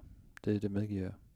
Og der kan man måske sige, at der fylder han måske mere end en, en Kim Siler. Øh, Jamen, ja, mit indtryk er i dag, at Kim Siler er måske lidt større navn i OB faktisk. Øh, Ja. Og han, han sluttede sin karriere i, i OB. Men, øh, men der må vi jo stadigvæk anerkende, at han har irriteret Paul Breitner så meget engang, at, at han ikke måtte få sin trøje, synes Ja. ja. at, øh, han var en stor navn dengang. men der, der er der lidt at diskutere her ude i, Det er der. ude i de små stuer på kanapperne rundt omkring i Aarhus. Vi skal videre til top 10. I AGF lever Stig Tøfting som halvtidsprofessionel med job på et lager om formiddagen. Forventningerne til 1996 er store. Et dansk mesterskab og en plads på EM-holdet hører til målene. Jep, Kim, nu går det løs. Nu går det løs. Der mangler 10 navne, Der mangler 10 navne. og vi er selv sagt på de helt store drenge. Det første navn, nummer 10, En lille overraskelse, måske. En lille, lille fræk sag. Ja, det lyder også forkert, men øh, der har vi øh, det bare nævnt. Jørgen Bjergård. Jørgen Bjergård, Øh, temmelig målfarlig øh, angriber. Var i, øh, var i AGF fra øh, hvad snakker vi? 62 til 62 til 66. 66, ja. Øh, og lavede et havermål. Hvad, hvad er det, hans stats, de siger helt, helt det præcis? skal jeg læse op for dig. Der står 89 kampe og 61 mål. Det er, det er et aggressivt snit, ikke? Det må man nok sige. Og tæt på at være det, det, det vildeste snit af, en- af en AGF-angriber i, øh, siden 2. verdenskrig, ikke? Øh, nogle af dem, vi har snakket med, fordi jeg må indrømme, jeg kendte sgu heller ikke så meget til Jørgen Bjergaard, inden vi gik i gang med det her vanvidsprojekt. Øh, men der må jeg bare sige, at øh, flere af dem, jeg har, har snakket med, som, som kan huske Jørgen Bjergaard, eller som rent faktisk også har spillet sammen med Jørgen Bjergaard, øh, altså de nævner ham, uden at jeg når at nævne ham. Og sige, hvad med ham? Hvad, hvad var han egentlig? Altså, der, der er flere, der ligesom, hold kæft, hvor var han god. Altså, Ja. han var, han, han kunne lave mål. Og, øh, og ryger også til, øh, til udlandet i, efter 66 øh, til Rapid Wien. Og får jo en, øh, en stor øh, karriere dernede. Og, Han, han blev kåret til, til årets sport, sportsmand i Østrig. Øh, jeg tror det gang, det er endda to gange, tror jeg. ja, og det, det er jo voldsomt, ikke? Og det, men det fortæller også lidt om den kvalitet, han, han havde. Øh, var med til at vinde pokalfinalen i, i, i, i 65, men og blev topscorer også i første division. Ja, ja. Og, og man kan sige, at AGF er, da han forlader klubben, øh, der, der, der begynder der at ske ting og sager, altså, hvor, hvor niveauet går ned efter rigtig, rigtig mange år, hvor AGF har, har spillet med om, om de sjove ting og været en del af, af toppen og, og vundet alle de her mesterskaber og pokaltitler og, og rykker faktisk ned efter nogle, nogle få år øh, ned i den næstbedste række efter, efter 66 her, så øh, men, men en spiller, der, der bongede ud, og, og bare var en, var en kæmpe profil den tid, han var i, i, Og- i AGF. Og en mand, øh, vi, vi har talt med en, som, øh, som kendte øh, Jørgen Olesen rigtig godt. Øh, et navn, vi kommer til at høre lige om lidt, som også er fra det her 50'er-hold. En af de helt store. Øh, og han, øh, han er jo afdød i dag, men Jørgen Olsen, men han har åbenbart altid sagt, at øh, altså, udover Rov, som, som er, er lidt selvskrevet i, i den, den snak, men så var det Erik Kuhl Jensen, som vi nævnte før på 11. pladsen, og Jørgen Bjergård på 10. pladsen. Det var de bedste spillere, han har spillet sammen med i, i AGF. De var simpelthen nogle vanvittige gode Ja. fodboldspillere.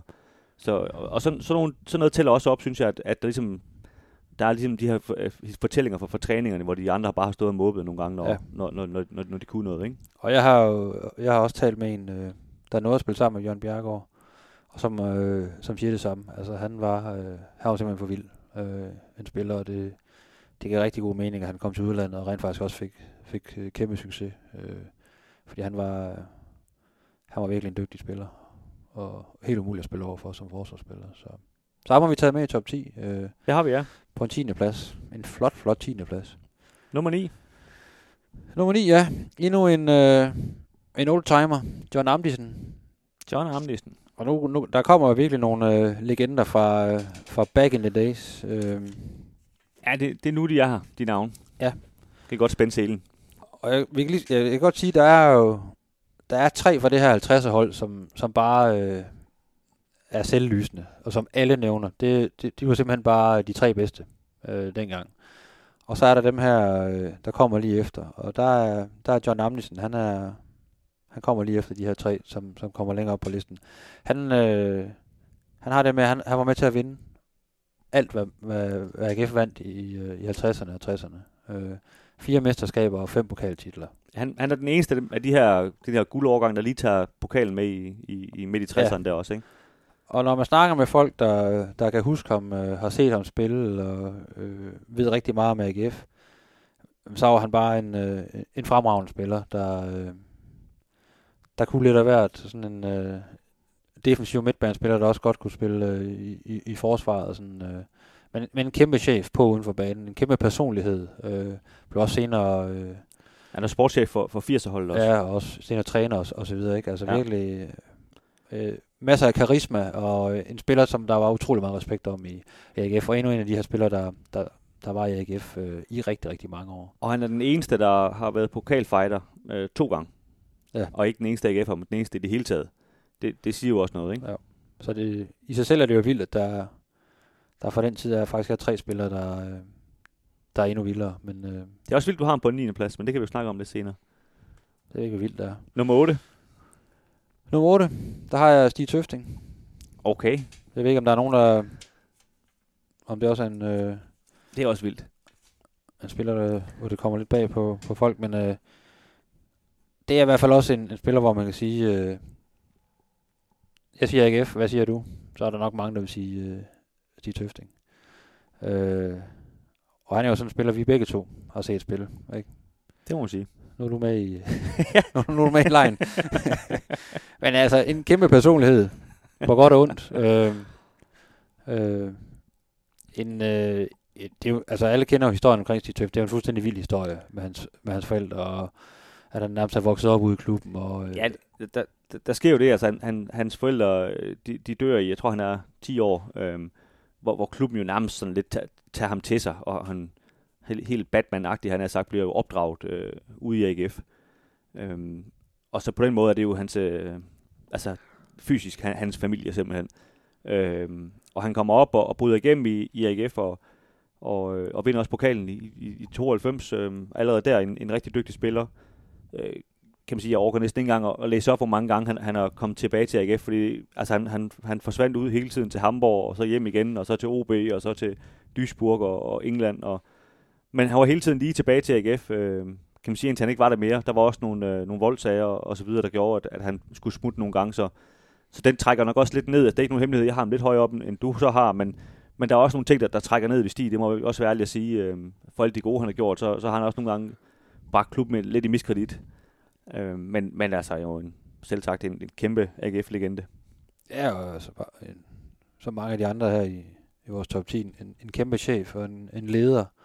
Igen på, på godt og ondt, ikke? Der, der, blev, øh, der var en hård tone i AGF i, i, i rigtig mange år. Det var Stig i hvert fald også bannerfører for i de år, hvor han, øh, han ligesom øh, var blandt lederne og øverst i hierarkiet, ikke? Øh, man viste jo også øh, igennem sin karriere, at han også godt kunne begå sig internationalt og, og var, var landsholdsspiller. Øh, Fik ikke så mange landskampe, øh, som, som AGF-spiller, øh, faktisk. Jeg tror, det han står til syv.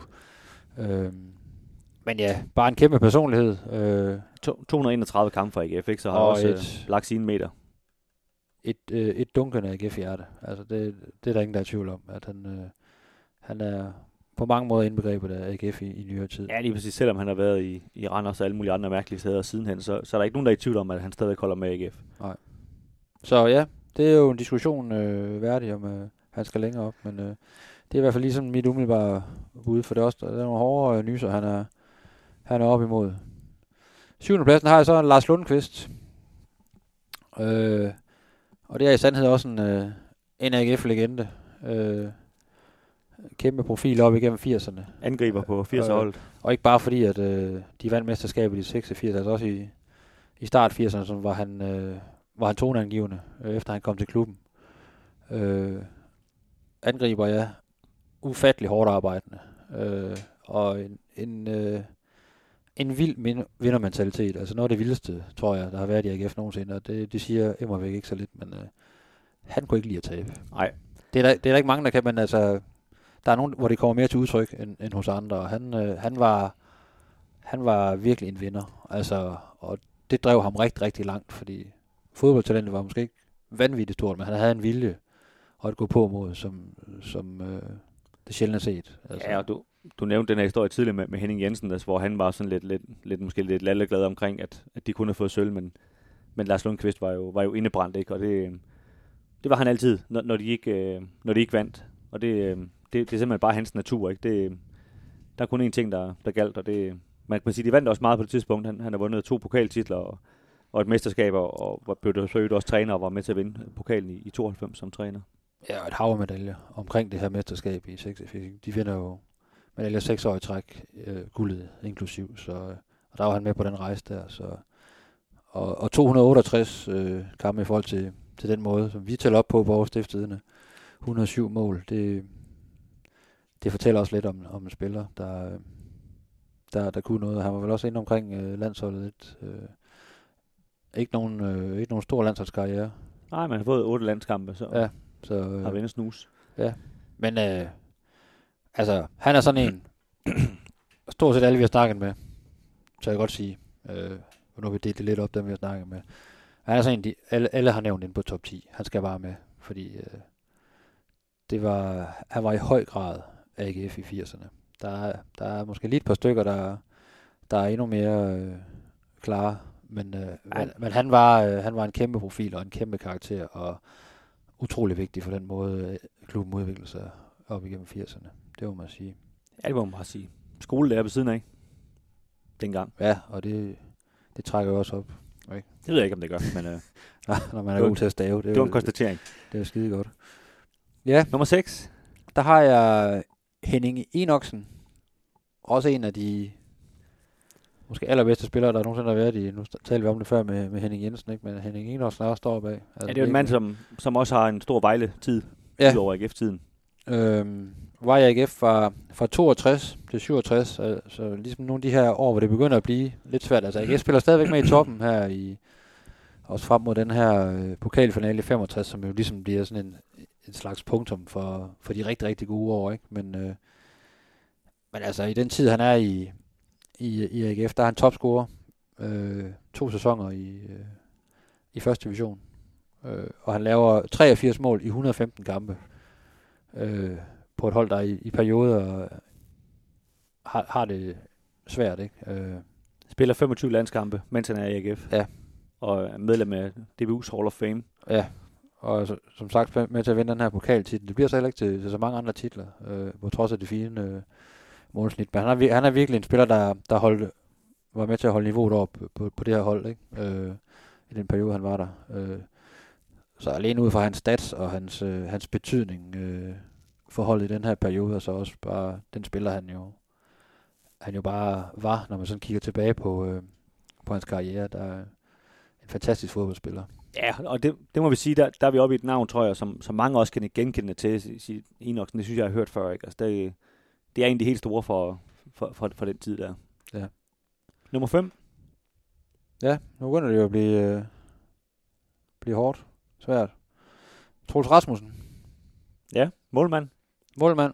Vi er igen i 80'erne. Det er meget 80'er, 50'er, det her, men... Øh, Ja, det er jo der, de vandt noget, ikke? jo. Det er nu, de, øh, det, er nu, det begynder Men det- at, det er jo det, der at, at ud. betyde noget. Og øh, Troels Rasmussen, han er jo et, et kæmpe AGF-navn. Øh, landsholdsmålmand. Øh, helt øverst i hierarkiet øh, på det her 80'er-hold. Ikke? Øh, han vidste godt, hvad han ville. Og, øh, og ja, han, han, kunne- han, han, kunne, han kunne bruge handskerne, kan man sige. Ikke?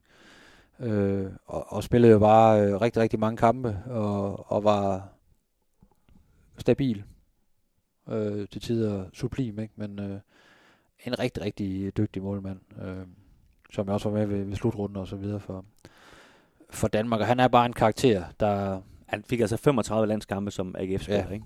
Og man kan sige, ham og, øh, om den ene eller den anden lige er nummer 5 eller nummer 7, det er sådan lidt... Er du til en rigtig god målmand, øh, eller er du til en, til en hårdt arbejdende angriber, der også kunne lave mål, ikke? Men altså, jeg, jeg vil sige, at Troels Rasmussen, han, øh, han får plus her, fordi han var altså en integreret del af den her, af det her landshold, der var, der var fuldstændig øh, vanvittigt de her år, 84, 86 og Altså nogle gange lidt problemer på landsholdet, men det, det er sådan en anden snak, men, men bare det, han er Ja. med, det øh, ja, borger for en kvalitet selvfølgelig, ikke? Var der lidt nogle gange med nogle, øh, noget mentalt og sådan noget, når, når, det, når det blev rigtig, rigtig, øh, når det blev slutrunde tid og sådan noget, ikke? og så kunne der være en Lars Høgh eller en Ole Kvist eller en Ole Kjær, der så lige kom ind, men øh, ellers så var det jo egentlig Troels, der var the man i mål ikke? På, på landsholdet i, i lange perioder. Og øh, ja, jeg husker ham også fra, da jeg startede med at komme på stadion som en, øh, som en vild karakter og en, man bare øh, man så, så op til, fordi det var bare Troels Rasmussen. Der er ikke så meget der. Han er et KFA. Ja, det var virkelig sådan en, som, der forstod man også som, som barn, som jeg var, da han spillede, at øh, han var en stor mand, ham der. Ja. Og øh, ja, det, det var også, øh, altså min, min far, som også er oceaner, der, der, der er to spillere, da, da jeg voksede op, som han ligesom, hvor man kunne mærke på ham, at det, det er nogle store, store mennesker der. Det, er den ene, det, det er Troels Rasmussen, og den anden er så John Stampe, som, som kommer lidt senere. Altså det, det, det er sådan, der er vi helt oppe på, på de høje navler. Det er vi simpelthen bare. Ja. Ja. Nå, Kim, nummer 4. Jamen nummer 4, der har jeg endnu en målmand. Henrik From. Henrik Form. Ja. Som AGF de hyldede for ikke så længe siden. Øh, og igen, altså historien om en, øh, en mand, der, der var med på en lang rejse. For spillede i AGF fra 48 til 61, og var med til at vinde de her fire mesterskaber og fire pokaltitler. Øh, altså alle de her gode år. Blev vi også træner øh, efterfølgende, faktisk Ja. for, for det hold, der vandt pokalen der. Ja, det, er- det er rigtigt. Og var med til at vinde øh, OL sølv i 60. Øh, Noget med tyggegummi på en stolpe og sådan noget. Ja, det er jo nærmest en af de mest legendariske historier, der findes i dansk fodbold, ikke? Øh, og ja, var også, øh, jamen var bare en, i forhold til, til den tid en, en fremragende målmand, øh, der også sådan øh, personlighedsmæssigt stak ud og bare var, var noget i AGF, ikke? Altså, han var bare en, en stor del af det her hold. Øh, og næsten 300 kampe, officielle kampe for, for AGF. Det, øh, det taler for sig selv med, at man, når man var ledelse, ledende skikkelse på det her hold, øh, der vandt så meget, så øh, og også havde landskampe, så, så var man noget med Ja. musikken. Det var man, og han, han er også medlem af DBU's uh, Hall of Fame, så, Ja, og han har kun spillet i AGF, så, så det, det siger sig selv, en, uh, et stort navn. og jeg vil sige ham, og, og så jeg har Jørgen Olesen på tredjepladsen. Endnu en, Jamen, øh, vi går til tredjepladsen, ja. ja, en, en, en spiller for den, for den tid, og endnu en spiller, der har vundet fire mesterskaber og fire pokaltitler, og altså spillet øh, ja, næsten 400 kampe øh, i AGF-trøjen, ikke? Øh, var der fra 45 til 62. Altså endnu en af de her spillere, som bare spillede hele sin karriere i, i AGF, og bare gjorde det godt. Øh, og Jørgen Olsen var jo en, øh, en, øh, en hård nyser, som man, det har jeg i hvert fald fået fortalt. Altså, der, der gik til stålet, men var, var, var pænt dygtig. Ja, en mand, der, der spillede altså 42 landskampe, mens han, øh, han var AGF'er, eller han var jo kun AGF'er. Spillede 42 landskampe, og, og, og fire af dem øh, var han faktisk landfører, an, anfører på, på Ja. landsholdet. Øhm, var også med i, øh, han skulle have været med i OL 60, men blev skadet, men var med, med i OL i 52 til gengæld, Ja. som ikke var helt lige så succesfuld som, som det her 60. Men han var selv skrevet til det her 60 hold, hvis ikke han øh, lige var, var skadet. Så øh, også et, et kæmpe, kæmpe, kæmpe navn i, øh, i AGF-historien. Det må man bare sige. Og jo et mand, som, som øh, startede i første klasse på sammen med, med Åge Rov, som jeg godt kan afsløre, kommer på en af de næste pladser. Øhm, og det er jo, kan man sige, det, det er jo i sig selv lidt vildt, øh, at de har gået på, jeg tror det er kokskole, de gik på sammen. Øhm, men, øh, men der var noget, noget DNA der, der kom ind, tror jeg, for, for meget ung. Men Og altså nogle, nogle kæmpe personligheder, og nogle, øh, nogle af datidens allerstørste danske fodboldstjerner, ikke? Øh, Så, så man kan sige, om, om det lige, igen der har sådan lidt, er det lige øh, Henry Form eller Jørgen Olsen, der skal være tre eller fire, men de ligger deroppe, og, og skal i hvert fald være i top 5 begge to i, i min verden, fordi som, som jeg sagde tidligere, der var, der var tre på det her 50 hold, der, Ja, og- det er, nu, det er nu, det begynder at fylde rigtig meget, at de har vundet meget. For det, er det er jo de her, vi sidder og nævner nu, som er hovedårsagen til, at de vandt rigtig meget. Ja. Og så begynder det lige pludselig at tælle rigtig meget, at de vandt så meget, hvor, hvor med al respekt, så kan man sige, hvis du er det, det, kan man sige, det svageste led, det er, der er en, der er ud af 11, jamen så, så kan man sige, at du måske blevet borger til nogle af de her resultater. Ikke? Men, men dem her, vi nævner nu, det er altså dem, der, der er skyldige, at de har alle de her pokaler, som, som de går og, og praler så meget af. Ikke? Øhm, jeg synes, Kim, inden vi, vi afslører de sidste to, øhm, det står mellem George Stamper og Rov, det, det kan vi godt afsløre, det har vi siddet og teaset for nogle gange. Øh, men inden vi afslører vinderen, så synes jeg lige, vi skal lægge øh, fra nummer 3 til 10, må det så være, øh, helt på plads. Fordi jeg, jeg er simpelthen rasende indvendig i, at Stig Tøfting er så, så langt nede på den liste. Det bliver nødt til lige at i tale sætte. Ja. Øhm, Vil du have ham over Lars Lundqvist? Ja, det vil jeg. I den grad. Øhm, jeg har ham faktisk på, altså på, på en femmer i min, øh, den, min liste. Øhm, det er så også over Troels Rasmussen og, og, og Enoksen, ikke? Øhm, jeg synes, som, som du sagde, som begrundelse til det her med, altså hvis, hvis du går ned på gaden lige nu og siger, sig mig en AGF'er, så lige før tror jeg, tror folk siger Stig Tøfting, før de siger Patrick Bortensen. Altså, han, han er så meget AGF, Stig Tøfting, øh, men det er sådan, tror det er løgn, ikke?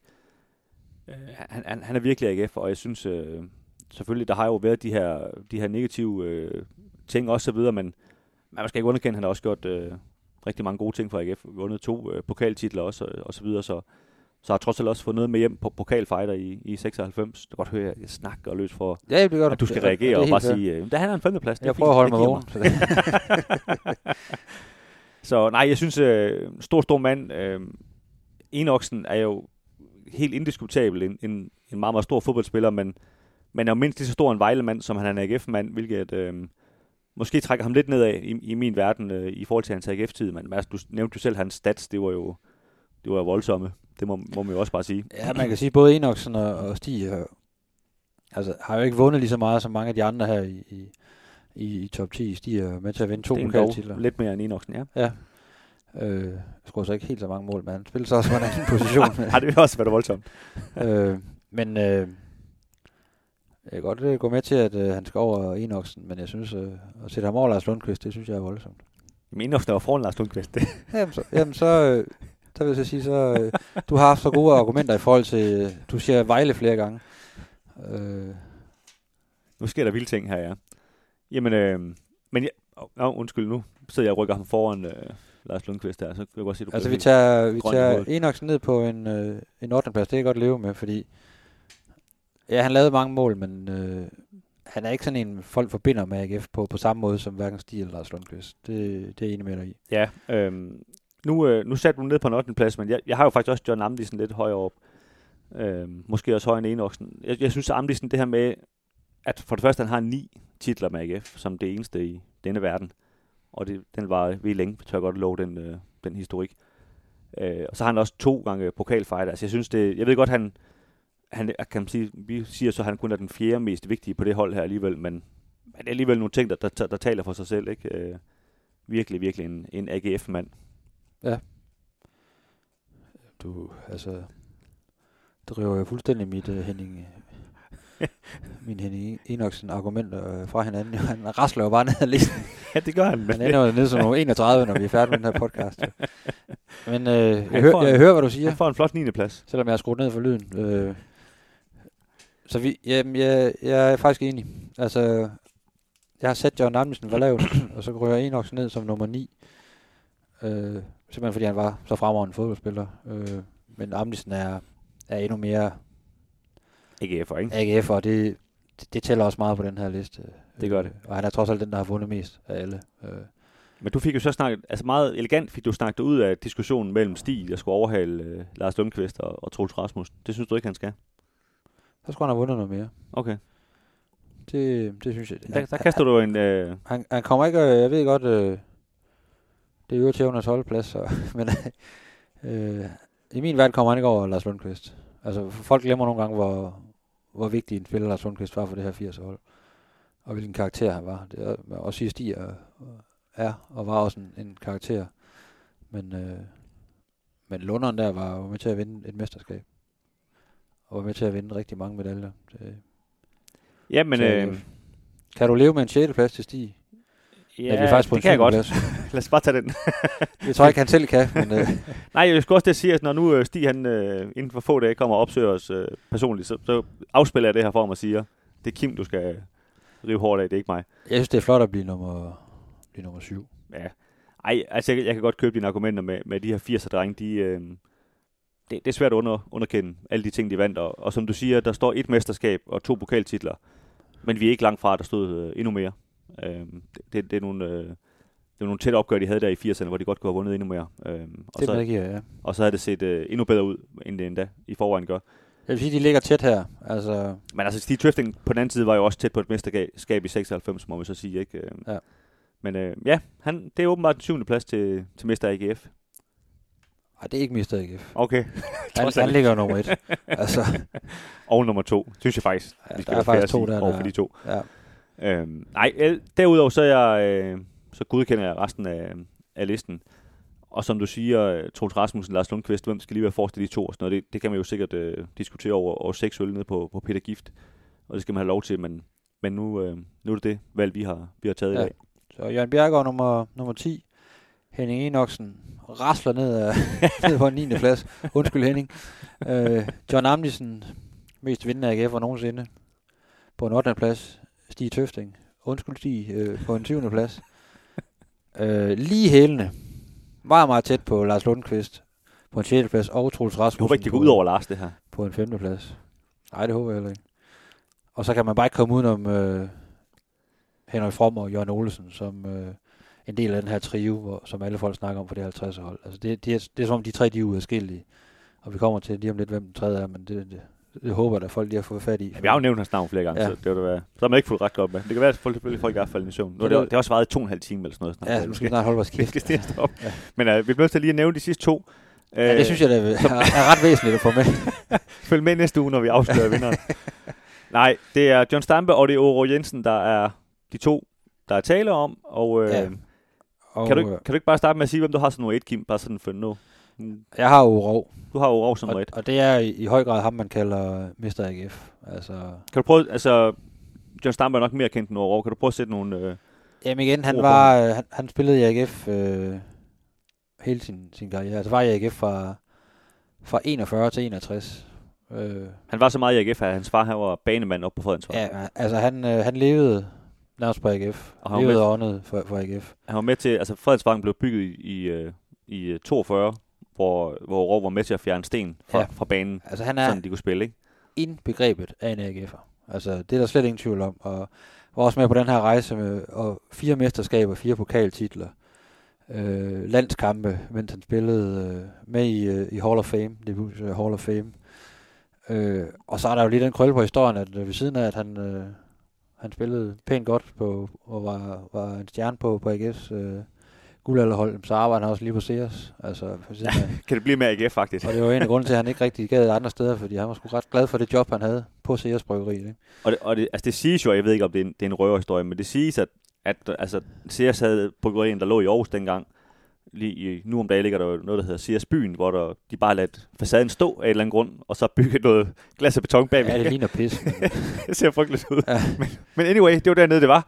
For, for igen, for jer unge mennesker, nede på Silkeborgvej. Øh, men der arbejder han, øh, og man kunne få en rundtur og se på bryggeriet og få en øl. Øh, og det siges, at mange, udover at, at de kunne få en gratis øl, så var det også for at, at håbe lige at se Åre kigge rundt på, på gangene dernede et eller andet sted. Øh, at de ligesom kommer og kiggede rundt. Så, så stor, en, øh, Ja. stor en mand var han altså. Og når man ser i, i, i gamle øh, aviser, kigger i arkiverne, så han var en kæmpe stjerne.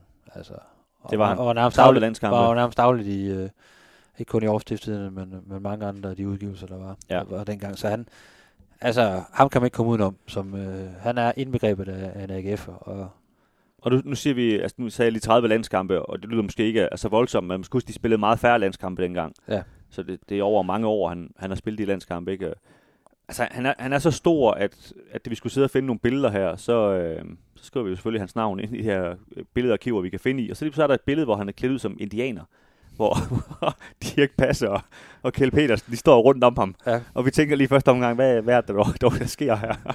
Men det er så fordi, øh, efter AGF de har vundet en, øh, en af de her pokalfinaler, de vinder, så, så bliver de simpelthen inviteret i øh, ABC-teateret bagefter i, i København, hvor, hvor, hvor Kjell og Dirk var de, de helt store kanoner. Øh, og det er selvfølgelig over der kommer op på scenen og bliver klædt ud som indianer. Selvfølgelig er det ham. Ja. Det, det, er jo ikke nogen af de andre, vel? Det, han, det er ham, der skal, der skal tages op, og det, altså, det svarer jo lidt til, at Michael Laudrup bliver taget ud til et eller andet, ikke? Og de har så desværre for Aarhus taget, taget et billede af det også, ikke? Men, men det, det er så, hvad det er. Men, men, men det der med, altså, hvor, hvor, hvor, hvor, stort det var, ikke? Altså, det var, det var de der kanoner, de, de, de omgås, omgik med og sådan noget, ikke? Så, Ja. Ja, meget, meget stort navn. Bare, bare øh, AGF's svar på, på Michael Laudrup, kan man sige. Ikke? Hvis hun, altså, rigtig, rigtig dygtig offensiv spiller. Ikke? Og noteret for over 400 officielle kampe. Tager man alt revl og krat med, som, som man jo mener, man skal i dag, ikke? Så, så tror jeg, han ryger op over 700 AGF-kampe. Ja. Øh, og var der ja hele sin karriere. Men, men altså, de, de officielle tal, 410 kampe, 89 mål. Og Ja. Har jo også en, øh, en øh, pokalfighter for, i øvrigt for den første pokalfinale i, i 55. Ja, Altså den første pokalfinale overhovedet, ikke? Så det, der er også et eller andet historie, historiens vingesus over det, ikke? og var bare, jamen, han var bare chefen på det her hold. Ikke? Og der, der er det her trækløver. Nu kan vi jo Rov, øh, Jørgen Olsen og Henrik From, som, som alle øh, bare nævner som, øh, som de tre største øh, dengang. Ikke? Og også i, sådan, i AGF-historien generelt. Så, så ja, han, øh, han er min nummer et. Jeg ved ikke, om du er uenig. men Jo, jeg, jeg har, jeg har John Stampe som nummer to. Jeg er enig i, at øh, Rov er nummer et, og, og nu skal vi jo ikke glemme John Stampe, fordi han er jo nok en mand, som mange øh, vi har sat som nummer et, kunne jeg forestille mig. Øh, hvis ikke lige det var fordi over Rov, så er Mr. AGF, så, så Ja. ja. var John Stampe jo Mr. AGF. Men man skal nogle gange lige også kigge i historiebøgerne og se, hvad, det- hvad det er... Øh, Nu, jeg prøvede at lægge op til, at vi skulle snakke om John Stampe. Ja, vi snakke mere om Rov. jeg er så fascineret over Ove. Nej, men, altså John Stampe er ja, mini-mister AGF, kan man sige. Ikke? Selvom han ikke var så mini, men øh, altså lidt større end Tøfting, men lidt mindre end Rov. ja, Der ligger han. har jo sådan set den offi- officielle øh, klubrekord for flest kampe med de her 444, som i sig selv er et, er et legendarisk tal sådan i, i AGF-termer. Ikke?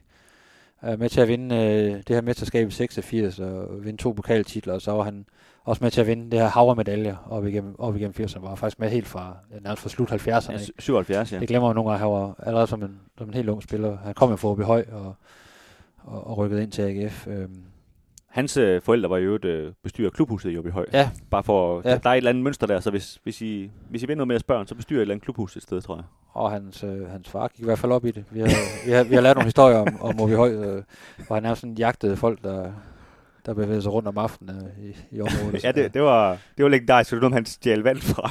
Han stjal vand fra, fra andres haver for, for at vande banerne Ja. og sådan noget. Ja, han, gik, han gik op i det. Ja, det gjorde han. Han hed Peder Stampe. Øhm, Men altså, Stam er, er bare sådan en, igen, øh, det er bare AGF. Altså, måske ikke den, i det her selskab, langt fra den bedste fodboldspiller, hvis du sådan vurderer på det. Men, men hans, man kunne godt spille fodbold, skal vi lige huske at sige. Ja, ja, det er slet ikke det. Og han hører også til heroppe. Øh, øh, men hans personlighed, og hans karakter, og hans karisma, og hans, øh, hans måde at være på, og, og han kunne være ufattelig brysk, og der var en, en speciel stemning til træner, som han var også verdens flinkeste mand, når, man så, når han så havde lagt støvlerne øh, ned i, i tasken ikke, og, og klædt om. Øh, han havde begge sider, men, men var en kæmpe karakter, og en, som alle så op til øh, i rigtig, rigtig mange år ude i, i, i AGF. Og han var bare en, en chef inde på banen også. Og, At, der er jo de her historier, som, som, som jeg hørte Lars Windfeldt en gang har fortalt, at, at, øh, at han som meget ung målmand øh, var med en gang, hvor Troels Rasmussen øh, lige var skadet, og så, øh, så forsøger han jo at gå ud til en bold, og, og så råber John Stampe, nu kan jeg ikke huske, hvad det er for et navn, men det er i hvert fald ikke Lars, lad os bare sige Finn. Finn kom så ud, og så er Lars Windfeldt lidt smule forvirret. Øh, øh, hvad, jeg, hedder, jeg hedder altså Lars. Når jeg råber Finn, så hedder du fandme Finn, siger han så bare til ham. Ikke? Og det var, altså, så var John Stampe, altså, man, man diskuterede ikke med ham inde på banen. nej, det var, altså det var kæft trit retning. Det var det. Og øh, når, når John Stamme han sagde noget, så, så gjorde man det. Især når man var ung spiller og sådan opkomming. Ikke? Så man skulle tro, man, man var, var noget. Og man blev prøvet af som, øh, som AGF-spiller. Både inde på banen og i omklædningsrummet. Øh, Ja, og det, og det er jo det her, altså der, der er jo en rød tråd, når vi snakker Stig Tøfting, Leon Andreasen osv. Mange af de her navne, det, er det er jo John Stampe-skolen, de, de har stået i. Øh, eller kan man sige, den arv, der er givet videre til dem alle sammen. Ikke? Og, og David Nielsen taler jo også øh, meget om det i dag. Altså den, han ser jo op til den tid, og den, det, øh, den måde også at være på osv. Så, videre. så, så det har også sat et, et kæmpe aftryk på, på AGF. Ja, Og han, han er bare en af de spillere, der, der, der tegner klubben stadigvæk udadtil, når, når, man, når snakken falder på, på AGF, så, så bliver John Stampe stort set altid nævnt. Øh, så ja, en, en kæmpe karakter, øh, men også en dygtig fodboldspiller, der, der kun fik, var det en ligalandskamp øh, over i Mellemamerika, han, Ja. han, øh, blev noteret for. Og det der så er historien omkring det, at han ikke fik flere landskampe, for det kunne han rent faktisk godt have fået, det var, at der var en, en fyr, der hed Morten Olsen, der huserede i alle de her år, hvor John Stampe også var rigtig god. Så det var svært at presse ind på... Øh, Også fordi Morten Olsen, han, han besluttede sig for at spille i 216 år, ikke? så jo, han stoppede aldrig rigtigt. og John Stampe spillede også i rigtig, rigtig mange år, men, øh, Ikke så mange som Morten Olsen. Men han kunne ikke rigtig presse Nej. Morten Olsen af, af landsholdet. Og Morten Olsen var til synligheden aldrig skadet. Så- Nej. Men, øh, men i Aarhus øh, briller var han jo en af landets absolut bedste øh, på sin position, og det var jo i mange år som, som sweeper. Det er i hvert fald der, man, der er rigtig mange, der husker John Stamme. Tidligere i sin, i sine unge dage var han jo også sådan øh, midtbanespiller. Og sådan, Ja, han spillede midtbane mod, mod Bayern München, som vi nævnte før, blandt andet også. Ja, tilbage i 79, Ja. ja. oktober 79. Så en, en lang, flot AGF-karriere, og en, øh, ja, en, måske den allerstørste sådan, personlighed, der har været i AGF. Det er jo ikke nogen hemmelighed, da vi lavede det her. Vi, vi fandt ret hurtigt ud af, at det, at det var John og Åge der, der skulle, der skulle være nummer 1 og, 1 og 2. Og så var der langt ned til, til træerne, synes vi. Øhm, de, jeg synes, de, de to er helt særlige, særlige for os. Øhm, Ja, og alle du snakker med, altså der, er- eller ikke De alle, fleste. ja, der er nogen, der er endnu mere forelsket i 50'er-holdet, end vi er, og det, er- det er fair nok. Øh, men, øh, men ja, det er de to, der, der er bonget kraftigt ud. Det er Ja, ja, og- og når vi spørger sådan, altså, man kan sådan næsten høre, når, når, når folk godt vil, vil, vil høre, hvem, hvem vi har som etter, så de spørger sådan lidt, er det, er det John eller er det, eller er det, er det Oro, I har som etter, ikke? Altså, Jo. folk, folk ved godt, det er en af de to, der ligesom, der skal være etteren, hvis det er. De, de er de to store. Så hold da kæft, så kommer vi igennem, øh, Det var 50 Top navne, 50. plus det løse, ja. og så... Og Øh, du fik ikke nævnt Kasper Slot. Han kunne ikke rigtig presse ind på top 50, men han er selvfølgelig med i store felt af bobler, ikke? Præcis. Ej, det var, det var også bare for at sige, at der, altså, der er jo så mange navne i AGF, som, som man har hørt om, og som har spillet landskampe, som, ja, som så ikke engang kom i vores bobler, ikke? Altså, Jo. det- jeg synes, det- jeg det synes vi har lidt. forsøgt at, at ramme noget her også. Det her med, det har også været vigtigt for os at, at få nogen fra alle perioder stort set. Jeg medgiver, at der er nogle øh, her i, i starten af øh, 2000'erne, altså nullerne her, ikke? Det, det er ikke mange, der presser på fra, fra den tid. Øh, det var godt nok, øh, det, det er nærmest et historisk lavpunkt. Det de, har, jo- de har jo den ulempe, vi har set dem spille, kan man sige. Ja, og der er jo, der er jo rent faktisk flere på øh, for det 70 hold, der faktisk spillede fem sæsoner i den næstbedste række. Det, det lyder jo helt skørt, ikke? Men der var bare nogle profiler, der, der bongede langt mere ud, og, øh, så, og det går så ud over sådan nogle, øh, som Kasper Slot og så videre, ikke? Der, der godt nok har, har spillet i Anders Kure, der har spillet i klub med nogle, nogle meget, meget hårde år. Ikke? øh. Ja, og taget, taget deres slæb, ikke? Men ja, ja de, øh, de, de havde ikke de ordentlige hold, holdkammerater. Lad os bare sige det på den måde, så. Så er de jo... Nej, så er de heller ikke gode nok selv. Jo. Ja, det er jo... Ellers havde de jo været øh, på listen. Altså. Ja, du synes, at det bliver en hård afslutning på... Og det skal det ikke være. 50, Det skal være en, en glad og, Det skal være en glad afslutning. og lettet afslutning, fordi skal det vi, vi nemlig. kom igennem de 50 navne her. Lige præcis. Men øh, ja, vi er i hvert fald meget glade for, at I, øh, I lytter med hele vejen igennem, og øh, vi vender jo tilbage her i, i løbet af, af januar med tilbage med noget, kan man sige, mere nutidigt AGF-stof. Men, øh, men ja, tak fordi I lyttede med.